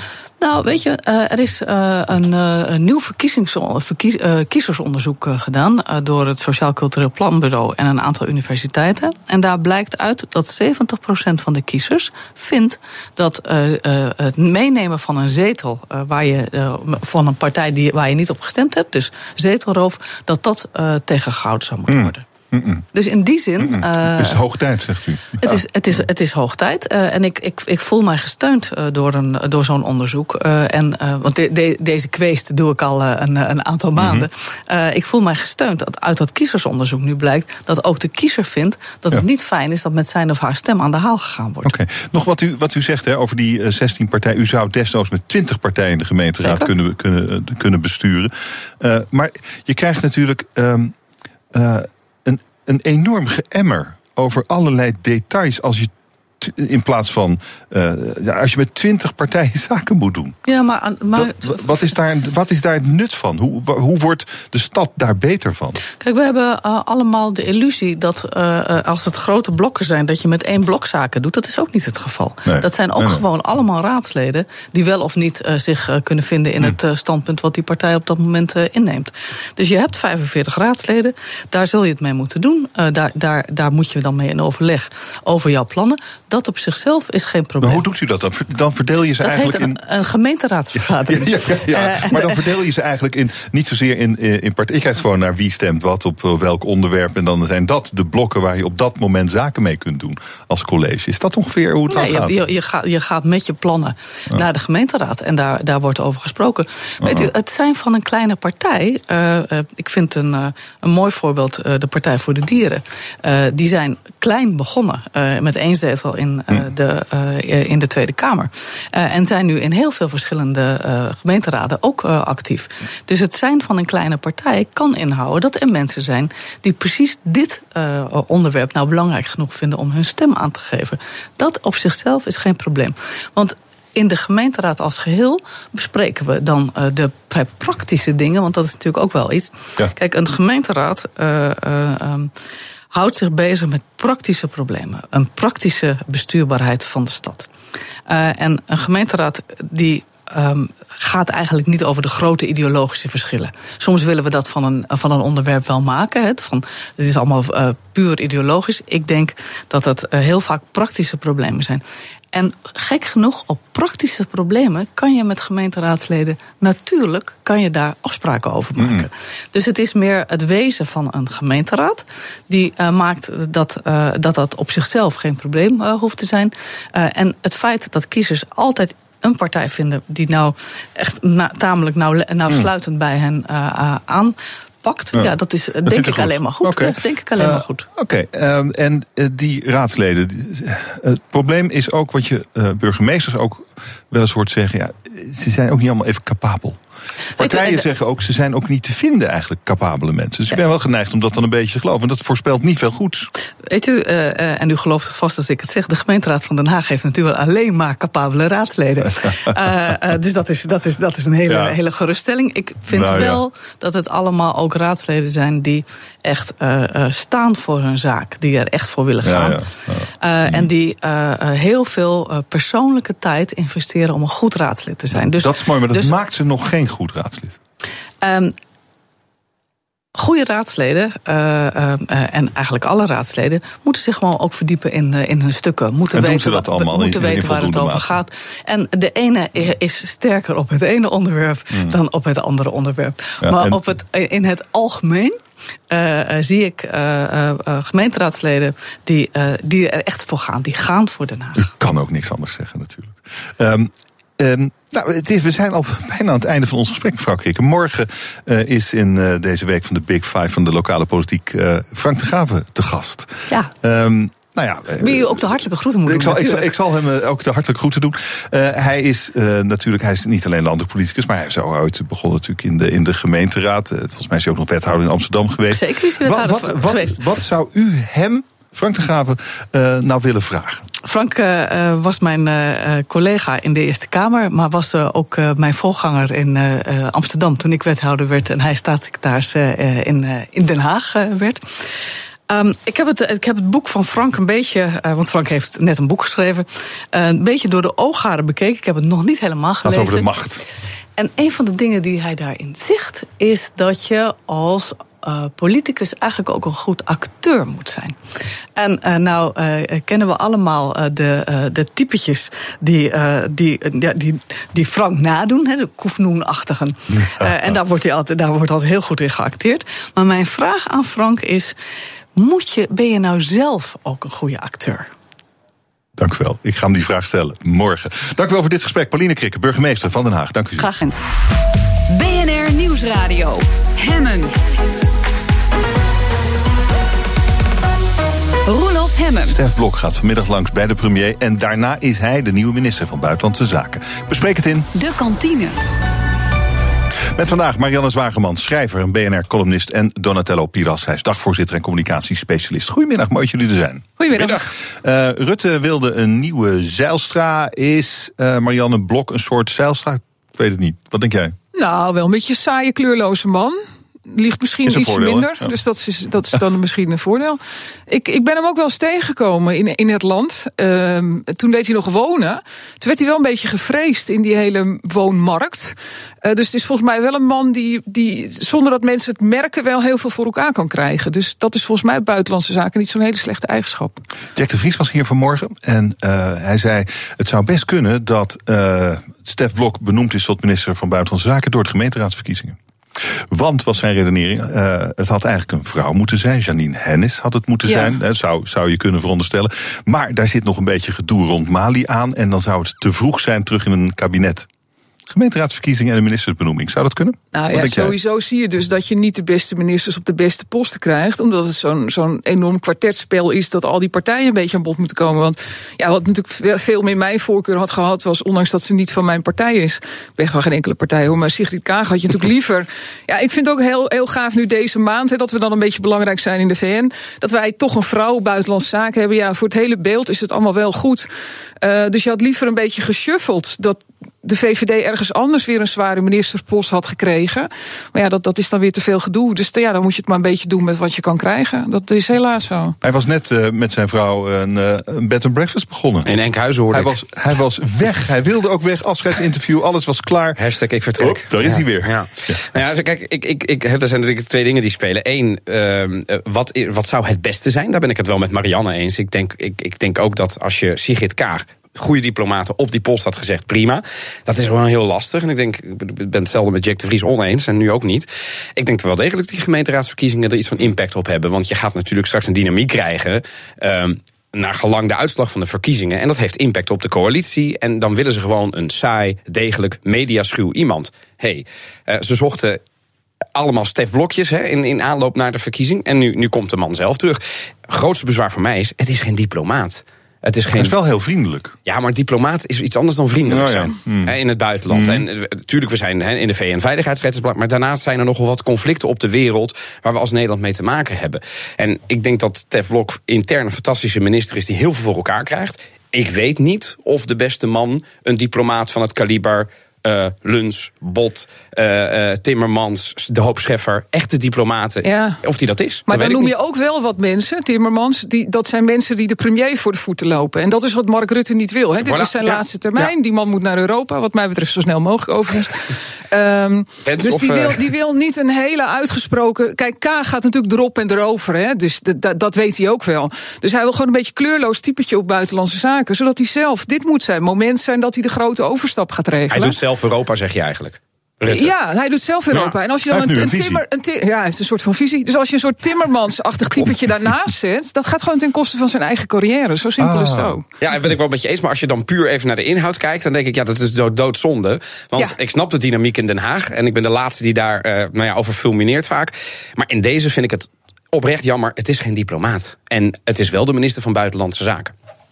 Jij bent uh, een halve Italiaan, Donatello. En uh, afgelopen vrijdag spraken we elkaar over de Italiaanse verkiezingen. Jij volgt dat allemaal op de voet. Zeker. Je hebt natuurlijk uh, zondag de hele dag naar de televisie zitten kijken. Al nou ja, maar... eigenlijk vanaf s avonds. hè, want het, daarvoor was er mediastilte. Ging het alleen over de opkomst. Maar oh ja. vanaf half elf, elf uur ging het los. We hebben een soort van uitslag nu. Ik geloof dat driekwart van de stemmen geteld is. En wat er uitkomt, het lijkt een padstelling te worden. Er, heeft, er is een grote partij, die Vijf Sterrenbeweging. Ja. Die heeft ongelooflijk veel stemmen gekregen. Zeker. maar de vraag is, hoe nu verder? En er is eigenlijk geen antwoord op. Nou, er is wel iets van een antwoord. Kijk, wat Italië heeft gedaan, en uh, niet omdat ik daar toevallig, maar ik, de, ik zag toevallig een kop op teletext net Italië, met een, dreigt met een impasse. Op 27 januari schreef ik mijn eerste blog in aanloop naar de verkiezingen. En dat was letterlijk de kop. Dit was wel te verwachten, weet je. Dit, dit is niet wereldschokkend. Wat is er wel wereldschokkend? Meer dan ongeveer 50 procent, dus de helft van de Italianen, heeft gestemd op twee partijen die nog nooit regeringsverantwoordelijkheid hebben genomen. De Vijf Sterren en? En de Lega. Lega Noord. Ja, voor, voorheen Lega Noord. Tegenwoordig hebben ze hun naam veranderd. Want het oh, is niet alleen Lega. maar voor het noorden. He, ze, ze, wilden eerst afscheiden. Ja. En nu zijn ze alleen voor Italië. Dus lekker. Uh, okay. en, en die twee partijen hebben nog nooit regeringsverantwoordelijkheid gedragen. Zijn redelijk eurosceptisch. En hebben, vinden de mensen, nogal wat onrealistische maatregelen. Maar Italië is gewoon helemaal klaar. De Italianen zijn zo klaar met de zittende klasse. dat ze uit protest heel erg op deze partijen hebben gestemd. Nou, dat, dat, dat was een beetje te verwachten, maar in zulke heftige mate niet. Ja, en nu zijn er eigenlijk grofweg drie coalities mogelijk. waarvan naar alle waarschijnlijkheid geen van die drie gaan werken. Want de Vijfsterrenbeweging die wil eigenlijk met niemand samenwerken. Um, dus dat valt al af, maar dat, zijn wel de, de, dat is wel de, de grootste partij. En dan heb je nog een coalitie, dat is de rechtse coalitie met Berlusconi en met Salvini. En die zouden het wel eens kunnen gaan uitmaken nu. Dat, dat, het, dus, ja, we hebben ze Berlusconi weer. Nee, nee, want, nee, want dat is ook weer. Nou, niet, Berlusconi, als, niet als premier natuurlijk. Nee, maar Berlusconi zijn partij, Forza Italia, dat in de peiling was hij groter dan Salvini van de Lega. En wat er nu is gebeurd, is Salvini is veel groter. En dus wat er nu gebeurt, Berlusconi kan helemaal niet dat, dat, ah. dat opeisen. Het gaat nu waarschijnlijk opgeëist worden. Dat heeft hij vanmiddag al gedaan in zijn eerste verklaring door Salvini, de leider van de Lega. Die heeft gezegd: Ik ga niet met die vijfsterrenbeweging. We gaan het gewoon over rechts doen, maar ik word de leider. Juist. Uh, ik denk dat Brussel uh, op dit moment uh, in crisis bijeen is om na te denken wat ze daarmee moeten. Ja, want wat gaat er dan gebeuren als, dat, als dit scenario uitkomt? Oh ja, zij, hebben zij hebben standpunten over het terugdringen van bijvoorbeeld een pensioenhervormingswet die onder Mario Monti is gedaan. Dat betekent eh, nou ja, meer uitgaven. Uh, Italianen weer, weer, weer eerder met pensioen. Voor een flat tax, hahaha. Ze zijn voor. Um, um, uh, ze zijn uh, zeer eurosceptisch. ze zijn, nou ja, er zijn zoveel standpunten waarvan je denkt. En het belangrijkste is tegen die 3%-regel van Brussel.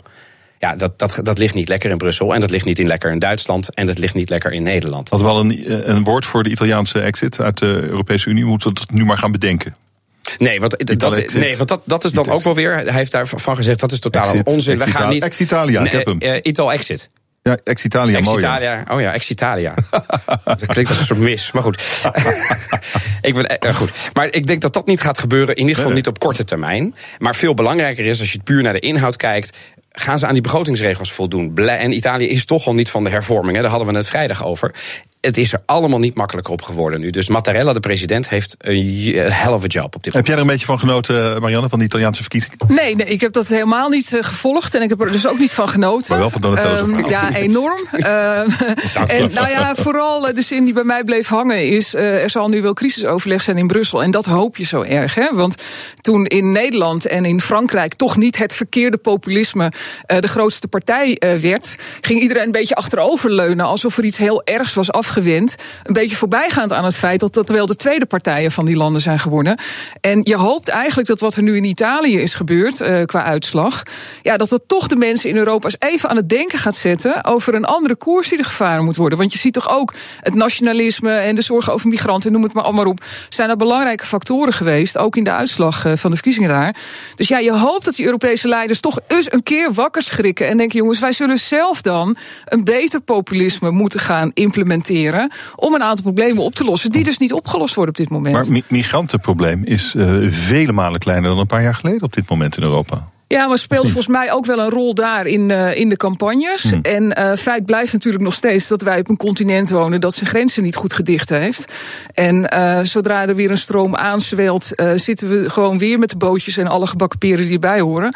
En dat, dat wordt gewoon niet goed opgepakt. Nog even los van het feit, en alle mensen die inmiddels hier op het continent zijn aangekomen, ja, dat dat toch niet voldoende beleid is ook om dat allemaal goed te laten integreren. En dat, dat zie je dus in dit soort verkiezingsuitslagen wel terugkomen. Ja, immigratie was ook een heel groot groot thema in deze Italiaanse mhm. verkiezingen. De mensen die. Kijk, Italië is natuurlijk die ondergrens van Europa waar de bootjes aankomen. Ze hebben problemen gehad. Ze hebben heel veel grote problemen gehad. En het probleem is geweest: Italië heeft het heel lang opgelost. Hè. Onder de regeringen Berlusconi was het nog, hebben ze echt honderden miljoenen uitgegeven. Vervolgens hebben ze gezegd: ja, jongens, onze, onze, onze portemonnee is leeg. Nu moet Europa het oppakken. Die hebben het vervolgens met uh, de factor 3 verminderd die patrouille. Ja, en dan komen ze wel binnen. Want het is heel lastig om duizenden kilometers kust natuurlijk te gaan bewaken. Dat kan bijna niet. Nee. Eh, maar het probleem is meer eigenlijk, Marjan, wat jij zegt, wat, wat moeten we doen met die mensen nu ze hier zijn? En ja, voor een overgroot deel in een uitkering verdwijnen. Nou ja, bijvoorbeeld. Of wil je nu een bruggetje maken ergens naartoe? Nou, nee, ik, ik, ik vroeg jij... vol naar je te oh, Oké, okay, nou kunnen we wel doen. Uh, want we hebben, ik, ik, waar ik aan bleef hangen deze ochtend... is uh, het Duitse volkslied. Dat moet volgens een Duitse topambtenaar... genderneutraal gemaakt worden. Uh, vaterland moet dan, moet dan heimatland heten. Thuisland, bijvoorbeeld. is, dat, is dat een aardig idee, of niet? Nou, ik zou wel een aardig idee vinden... om in Nederland gewoon een nieuw volkslied te maken. Wij oh, hebben natuurlijk helemaal een raar volkslied... Hè, met nog die hang naar Spanje wat natuurlijk ja, niemand inmiddels in de huidige geschiedenis nog een beetje kan plaatsen. Maar ik, uh, ik doe daar toch niet zo lacherig over als, uh, als Bonton is. Over al dat genderneutrale gedoe. Ik zag vanochtend ook een berichtje uh, dat er bij, bij Albert Heijn nu een of ander spelletje, geloof ik, uit de handel is genomen. Omdat het ook niet voldoende genderneutraal was. Want het ging er dan vanuit dat alleen jongetjes voetballen. Nou, terwijl we dus weten dat Nederlandse meisjes veel beter voetballen dan Nederlandse jongetjes. Um, dit zijn wel dingen, als je man bent, heb je daar de volhorens niet voor. En heb je niet door. Ik zie het ook met mensen die ik heel graag mag, die ik volg op Twitter. Zo'n Guido den Aantrekker, bijvoorbeeld de hoofdredacteur van de Story, is echt een goede vriend van mij. Maar ik zie hem ook vaak dingen zeggen, terwijl wij het heel vaak met elkaar eens zijn. Waarvan ik denk: oké, maar jij, jij, voelt dat dus niet zoals ik dat voel. Dus jij vindt. ik, ik doe een beetje lacher over dat, over dat volkslied in Duitsland en die discussie daarover. En dat is eigenlijk omdat ik daar niet sensitief genoeg ik, de, ik denk dat mannen nog steeds niet tot in de kern. Je ziet dat ook met die hele MeToo-discussie. Daar zijn mannen dan, die zijn er onzeker van geworden. Die zeggen, oh, mag ik dan niet meer lekker wijs zeggen? Of weet ik veel. Mannen begrijpen het gewoon echt niet. Die hebben die gevoeligheid op dat onderwerp gewoon niet. Wat ook logisch is. Maar laat dan vrouwen het voortouw nemen in dit soort onderwerpen. Want mannen gaan dan ook soms schieten weer door. dus ik was een tijdje geleden in de beurs van Berlage. Nou, dan heb je van die genderneutrale wc's. En ik moest daar een gala presenteren. Dus ik stond aan alle kanten aan mijn gala-jurk eh, te hijsen en te stutten. om dat allemaal een beetje leuk eh, op, op het podium te krijgen. en dan staan er kerels naast je. En ik ja, Dat, wil, dat willen wij niet, weet je wel. Dat bedoelen wij niet. Wij bedoelen echt andere dingen. Ja.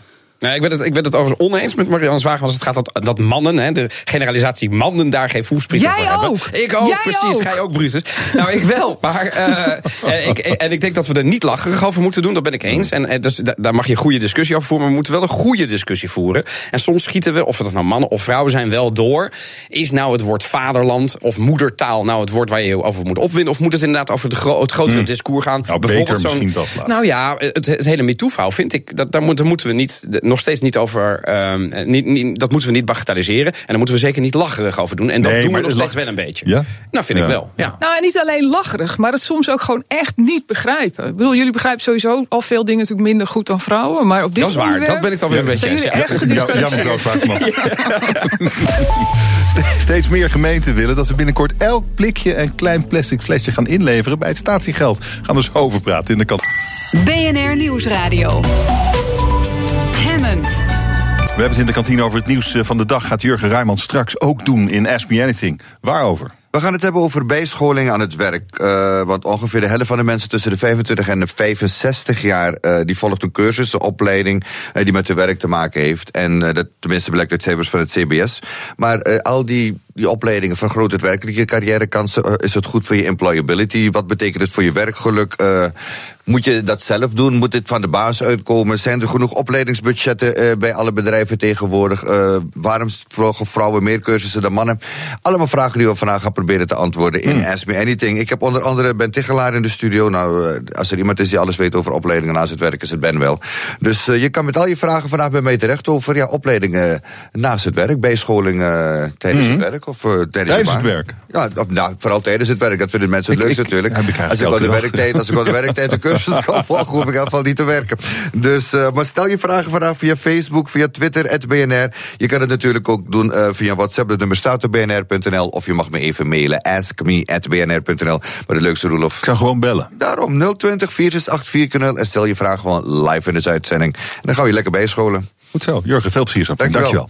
Uh, je luistert naar de kantine. Donatello Piras is hier, dagvoorzitter, communicatiespecialist. En Marianne Zwageman, schrijver en columnist bij BNR. Marianne, jij bleef vanmorgen in het FD, wat je elke dag natuurlijk helemaal tot je neemt. Ja, hangen ja, aan dat is mijn favoriete krant. Mag ik dat gewoon even zeggen hier zonder dat ik. Ik deel, ik deel die opvatting, natuurlijk. Oh jongens. Uh, jij ook, Donatello? Ja, toevallig is het zo. Andere kant. Dit is wel een. Ja, het is als het trouw was geweest, had ik het ook gezegd. Maar dat is gewoon niet zo. we zagen daar in een verhaal leefbaar wethouders Joost Eersman Maat Maarten Struivenberg, Rotterdam, ja. uh, vinden zichzelf terug de komende gemeenteraadsverkiezingen tegenover een soort van links-islamitisch monsterverbond. Dat zette jou aan het denken deze ochtend. Nou, wat je ziet is, en daar stoor ik mij enorm aan, is het wordt overgelaten aan dit soort lokale politici om beleid te maken op wat gaan we nou toch doen aan de ghetto's, waar alleen maar mensen wonen die van uitkeringen leven, geen Nederlands spreken, waar mannen jurken dragen en vrouwen dingen waar je helemaal geen mens meer in herkent. En, en heel veel mensen willen dat gewoon niet. En als maatschappij moet je dat niet willen, want het wordt een onderkant van de maatschappij van mensen die daar nooit meer uitkomen. En in Denemarken hebben ze daar bijvoorbeeld wel beleid op van vanuit de regering. En dat is gewoon een liberale regering. Hè, dus er zitten niet allemaal hele enge typetjes in de regering. En, en waar ik me echt kapot aan erger, is dat Nederlandse politici nog steeds daar niks aan doen. En er stond zaterdag in die andere krant die ik wel eens lees, namelijk de Telegraaf. Uh, stond op de volpagina aangekondigd een groot interview met uh, staatssecretaris Knops. Die is van het CDA. Het CDA maakte zich in de verkiezingscampagne natuurlijk ook heel druk over de Nederlandse identiteit. En zo'n staatssecretaris die zit dan in de krant een beetje makkelijke taal uit te slaan over onze tradities. En dat de Koentunnel zo moet blijven heten en wat hij vindt van Zwarte Piet. En dan denk ik, gast, jij kan beleid maken. Jij komt van een partij die er wat aan zou gaan doen. En jullie komen niet verder dan schoolreisjes en, en, en vlaggetjes ophangen in de Tweede Kamer. Wanneer gaan jullie nou eens een keer iets doen, zodat het niet aan die lokale politici overgelaten hoeft te worden? Zo. Ja, nou, dat, dat, dat, dat, dat hebben we overleefd. Uh, ik ben het deels wel mee eens. Waar ik het niet mee eens ben, is. Kijk, um, ik denk dat de staatssecretaris die zich uitspreekt, dat zou een verademing moeten zijn. En, en ik denk, sterk nog, ik weet dit wel zeker, op feestjes, op partijen zijn heel veel mensen, Nederlanders, die zich echt druk maken over het feit dat we het weer een keer over die Koentunnel uh, moeten hebben ik vind het een hele logische discussie. Ik denk, we leven in 2018, daar mag je het over hebben met elkaar. En er zijn een heleboel mensen die vinden dat dat toch een aantasting is van de identiteit. En ik denk dat de politici, die moeten daar, die, die moeten daar in een interview ook iets mee doen. Dat je dan vindt dat dat beleid tekortschiet, dan heb je een punt. Tekortschiet? Er is helemaal geen beleid. Er is ja, maar nog steeds hij is nou juist integratie. Van maar hij is nou juist van een partij die juist lokaal ook heel erg actief is. Hè, dat, dat, dat, dat CDA waar jij het over hebt. En die zitten juist in die, in, ook in Rotterdam bijvoorbeeld. En die maken nou juist wel beleid. Ik denk nou juist dat in Den Haag niet al dat beleid voor wat jij noemt de ghetto's gemaakt moet worden. Dat moet in die gemeenteraad ja, gemaakt dat is worden. Onzin, dat is toch hartstikke goed. Je ziet dat politici als, als Joost Eertmans, die nu dus wel in het FD een hele pagina krijgt om uit te leggen wat hij wil. Maar die wordt natuurlijk toch in de hoek van racisme gezet. En erger. Nou, uh, die nou, ja, ja, ja, zeker. Die, dat zegt hij zelf ook in dit interview.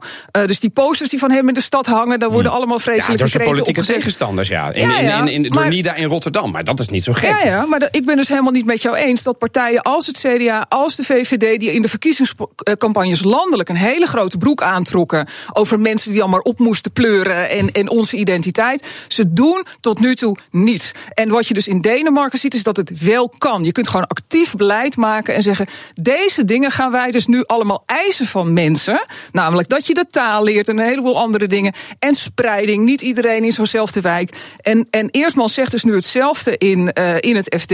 En ik vind dat hij gewoon te veel die kar nu moet trekken. En dat hij steun verdient voor dit soort beleid vanuit Den Haag. En dan zo'n staatssecretaris die notabene op Binnenlandse Zaken zit. Die maar een beetje makkelijk zit te schreeuwen in de Telegraaf. Dan denk ik, ja, maar wat ga je nou doen? Ik heb dat interview drie keer gelezen. Ik heb het uitgespeeld van wat staat er in wat hij gaat doen. Niks. hij vindt daarna, maar alleen maar dingen. Maar Marianne, werd daarna gevraagd dan? Want ja, natuurlijk, kijk, ik, ik, interview nou, de Telegraaf. Uitstekende interviewers hoor, bij de Telegraaf. Oh, ongetwijfeld. Uh, ik, ik lees de Telegraaf ook graag. Maar waar het, uh, het is wel de tweede krant die we graag lezen hier. Waar, waar, het, waar het over gaat is, ik ben echt van mening dat de tweede stad van Nederland, jongens, we hebben het over Joost Eertmans in Rotterdam. Ik heb daar 13 jaar gewoond in die prachtige stad. Die, weten, die mensen die daar besturen, die weten heel goed hoe ze die stad moeten besturen. En die zijn er juist dwars van dat Den Haag gaat bepalen hoe het in Katendrecht moet gebeuren, hoe het in, in, in, in, in, in, in, in Kralingen-Krooswijk moet plaatsvinden. Dat weten ze daar heel goed. Bijvoorbeeld de problematiek op Zuid. Joost Eertmans loopt daar heel lang rond. Heeft nu met D66 en het CDA is, zijn ze daar aan, aan het besturen. Mag de man dan alsjeblieft een mening hebben over, die, over hoe die dat doet? Ik dacht dat Tuurlijk, hij, hij beter dan een Hagenees. Je weet ook dat lokale politici maar tot op zekere hoogte dingen kunnen regelen. En de rest moet toch vanuit landelijk beleid geregeld worden. En een staatssecretaris die dan niet verder komt en roepen: Ik ben de aanval op onze tradities zat. Ga dan wat doen. Wat is dan je plan? Kom dan met iets. Die regering is nu een half jaar onderweg. Dat plan is er nog steeds niet. En ik zie het ook eerlijk gezegd niet komen. Want dit kabinet is gewoon helemaal gekaapt door Pechtold. Door Pechtold en ik begrijp niet dat, dat Buma dat heeft toegelaten. Dus zo'n staatssecretaris schreeuwt nu wel in de Telegraaf. Ik wil dat Buma ook zijn partij nu op gaat jagen. Gaat zeggen, jongens, nou, jullie maar wat, zitten wat in dan willen, Marian? Wat zou er dan moeten gebeuren? Welk plan, welk plan verwacht je dan van Den Haag? Van de huidige coalitie? In elk geval een concreet plan wat mhm. je gaat doen om die integratie te bevorderen. En ook heel duidelijk te maken wat je dan van die mensen wel verwacht en niet verwacht. Maar en, je vindt dat wat er nu ligt onvoldoende is? Nou, er ligt niks. Er ligt Nou, niks. Nee, nou, nee, bedoel, we hebben best wel wat verplichtingen aan mensen. Weet je wat een nieuwkomer allemaal moet doen met wat hij nu doet? op Maar dat vind je te weinig. Op papier. Je weet ook allemaal hoe dat in de praktijk Zeker, uitpakt. maar je vindt dus dat het te weinig gehandhaafd wordt. Ook, ook. En dat ook het beleid nog wel een tandje extra kan. En dat ook de mensen die het beleid moeten uitvoeren, ook lokaal, daar veel meer in gesteund worden. En dat gaat tot en met het schoolplein aan toe, bijvoorbeeld. Er zijn hier in Amsterdam gewoon schoolpleinen waar je met Nederlands je niet meer verstaanbaar kunt maken. Maar ja, dat is marginaal. Maar, als dat, maar als dat al zo zou zijn, dan, dan is het toch juist, dan gaat het toch over juist het steunen van die lokale politici. De Joost Eertmansen van deze wereld die daar iets aan willen doen. Ja. In, in Rotterdam, nota bene. D- Dan, dan is het toch ja, juist dan gaat het ook over landelijk beleid. Maar wat je verwacht je dan wat- landelijk? Het ligt er al.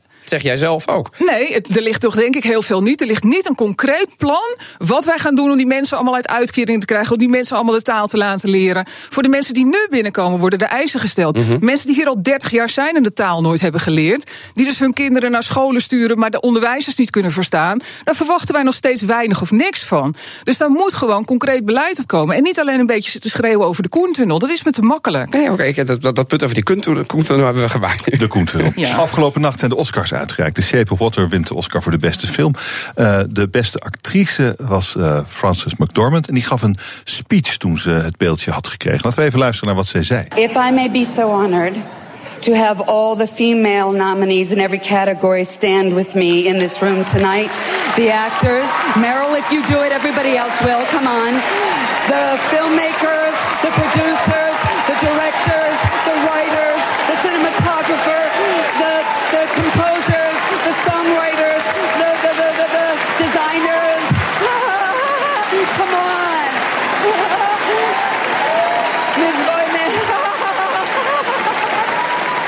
ik, ik heb de, die beelden zitten, zitten kijken vanmorgen. Ik vond het echt extreem cool hoe zij die, nou ja, die zaal, in elk vrouwelijk deel van die zaal, liet opstaan. Dat was een mooi eerbetoon. Vond ik. Wat vond jij?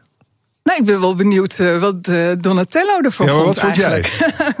nou, ik zag namelijk dat het... eh, ik had het niet gezien, want het interesseert mij niks. We reiken prijzen uit en we weten nu al niet meer wie hem vorig jaar won. Dus ik ben daar te nuchter voor.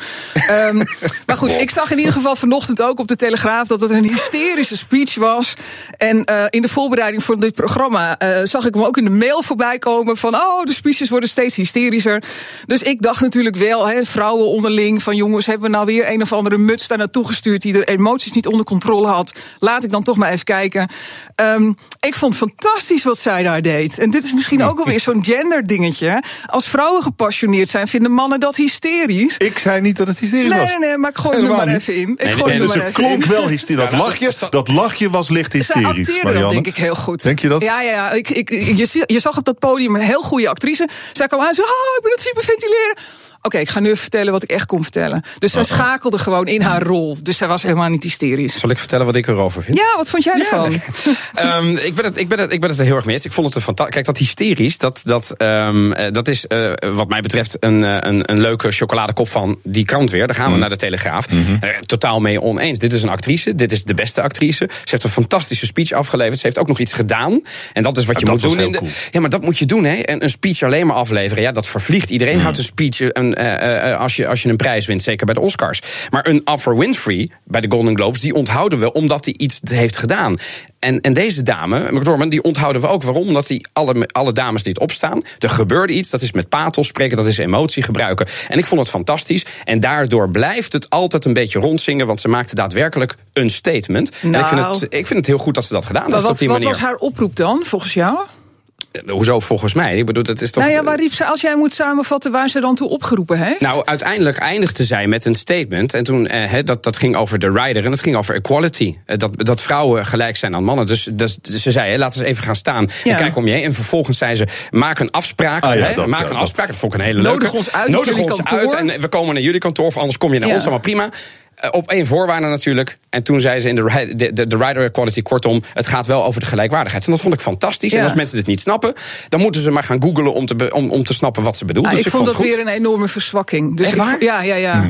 Omdat het toch weer was. Oh mannen, zie ons eens staan en nodig ons eens uit. Dan denk je, joh, fuck Nee, die nee, maar- mannen. We nemen deze mannen? Dat was toch even ook aan de- over. dat was Nee, toch maar ook voor de vrouwen? Ja, nee, nee, nee, nee. Ze riep die mannen op. Hier staan de vrouwen. Kijk, hier staan ze. Ik heb ze Mhm. op laten staan. Nodig ons morgenochtend uit op jullie kantoor. Oh, en betaal ons dan wel hetzelfde. Vechten. En ze nodigden de bazen uit, maar dat kunnen ook vrouwen zijn. Maak je jezelf nou weer, vrouw? Ja. Hmm. Ik moet de kantine gaan sluiten. En jullie begrijpen dit soort dingen niet. Ja, nu wel. Nee. Ik kijk naar jou en ik denk, ja, nee, nu snap ik het. Dankjewel. Marianne Zwageman, schrijver, BNR-columnist, Donatello Piras, dagvoorzitter en communicatiespecialist. Dank jullie zeer. Dit was uh, Hemmen voor vandaag. Morgen ben ik er natuurlijk weer. Dan is Frank de Graven mijn gast in de Big Five over de lokale politiek. Frank de Graven was, behalve minister en Tweede Kamerlid, ook raadslid, wethouder en waarnemend burgemeester. En morgen om 1 uur is hij mijn gast. Nu eerst Jurgen Rijman met Ask Me Anything. Dag.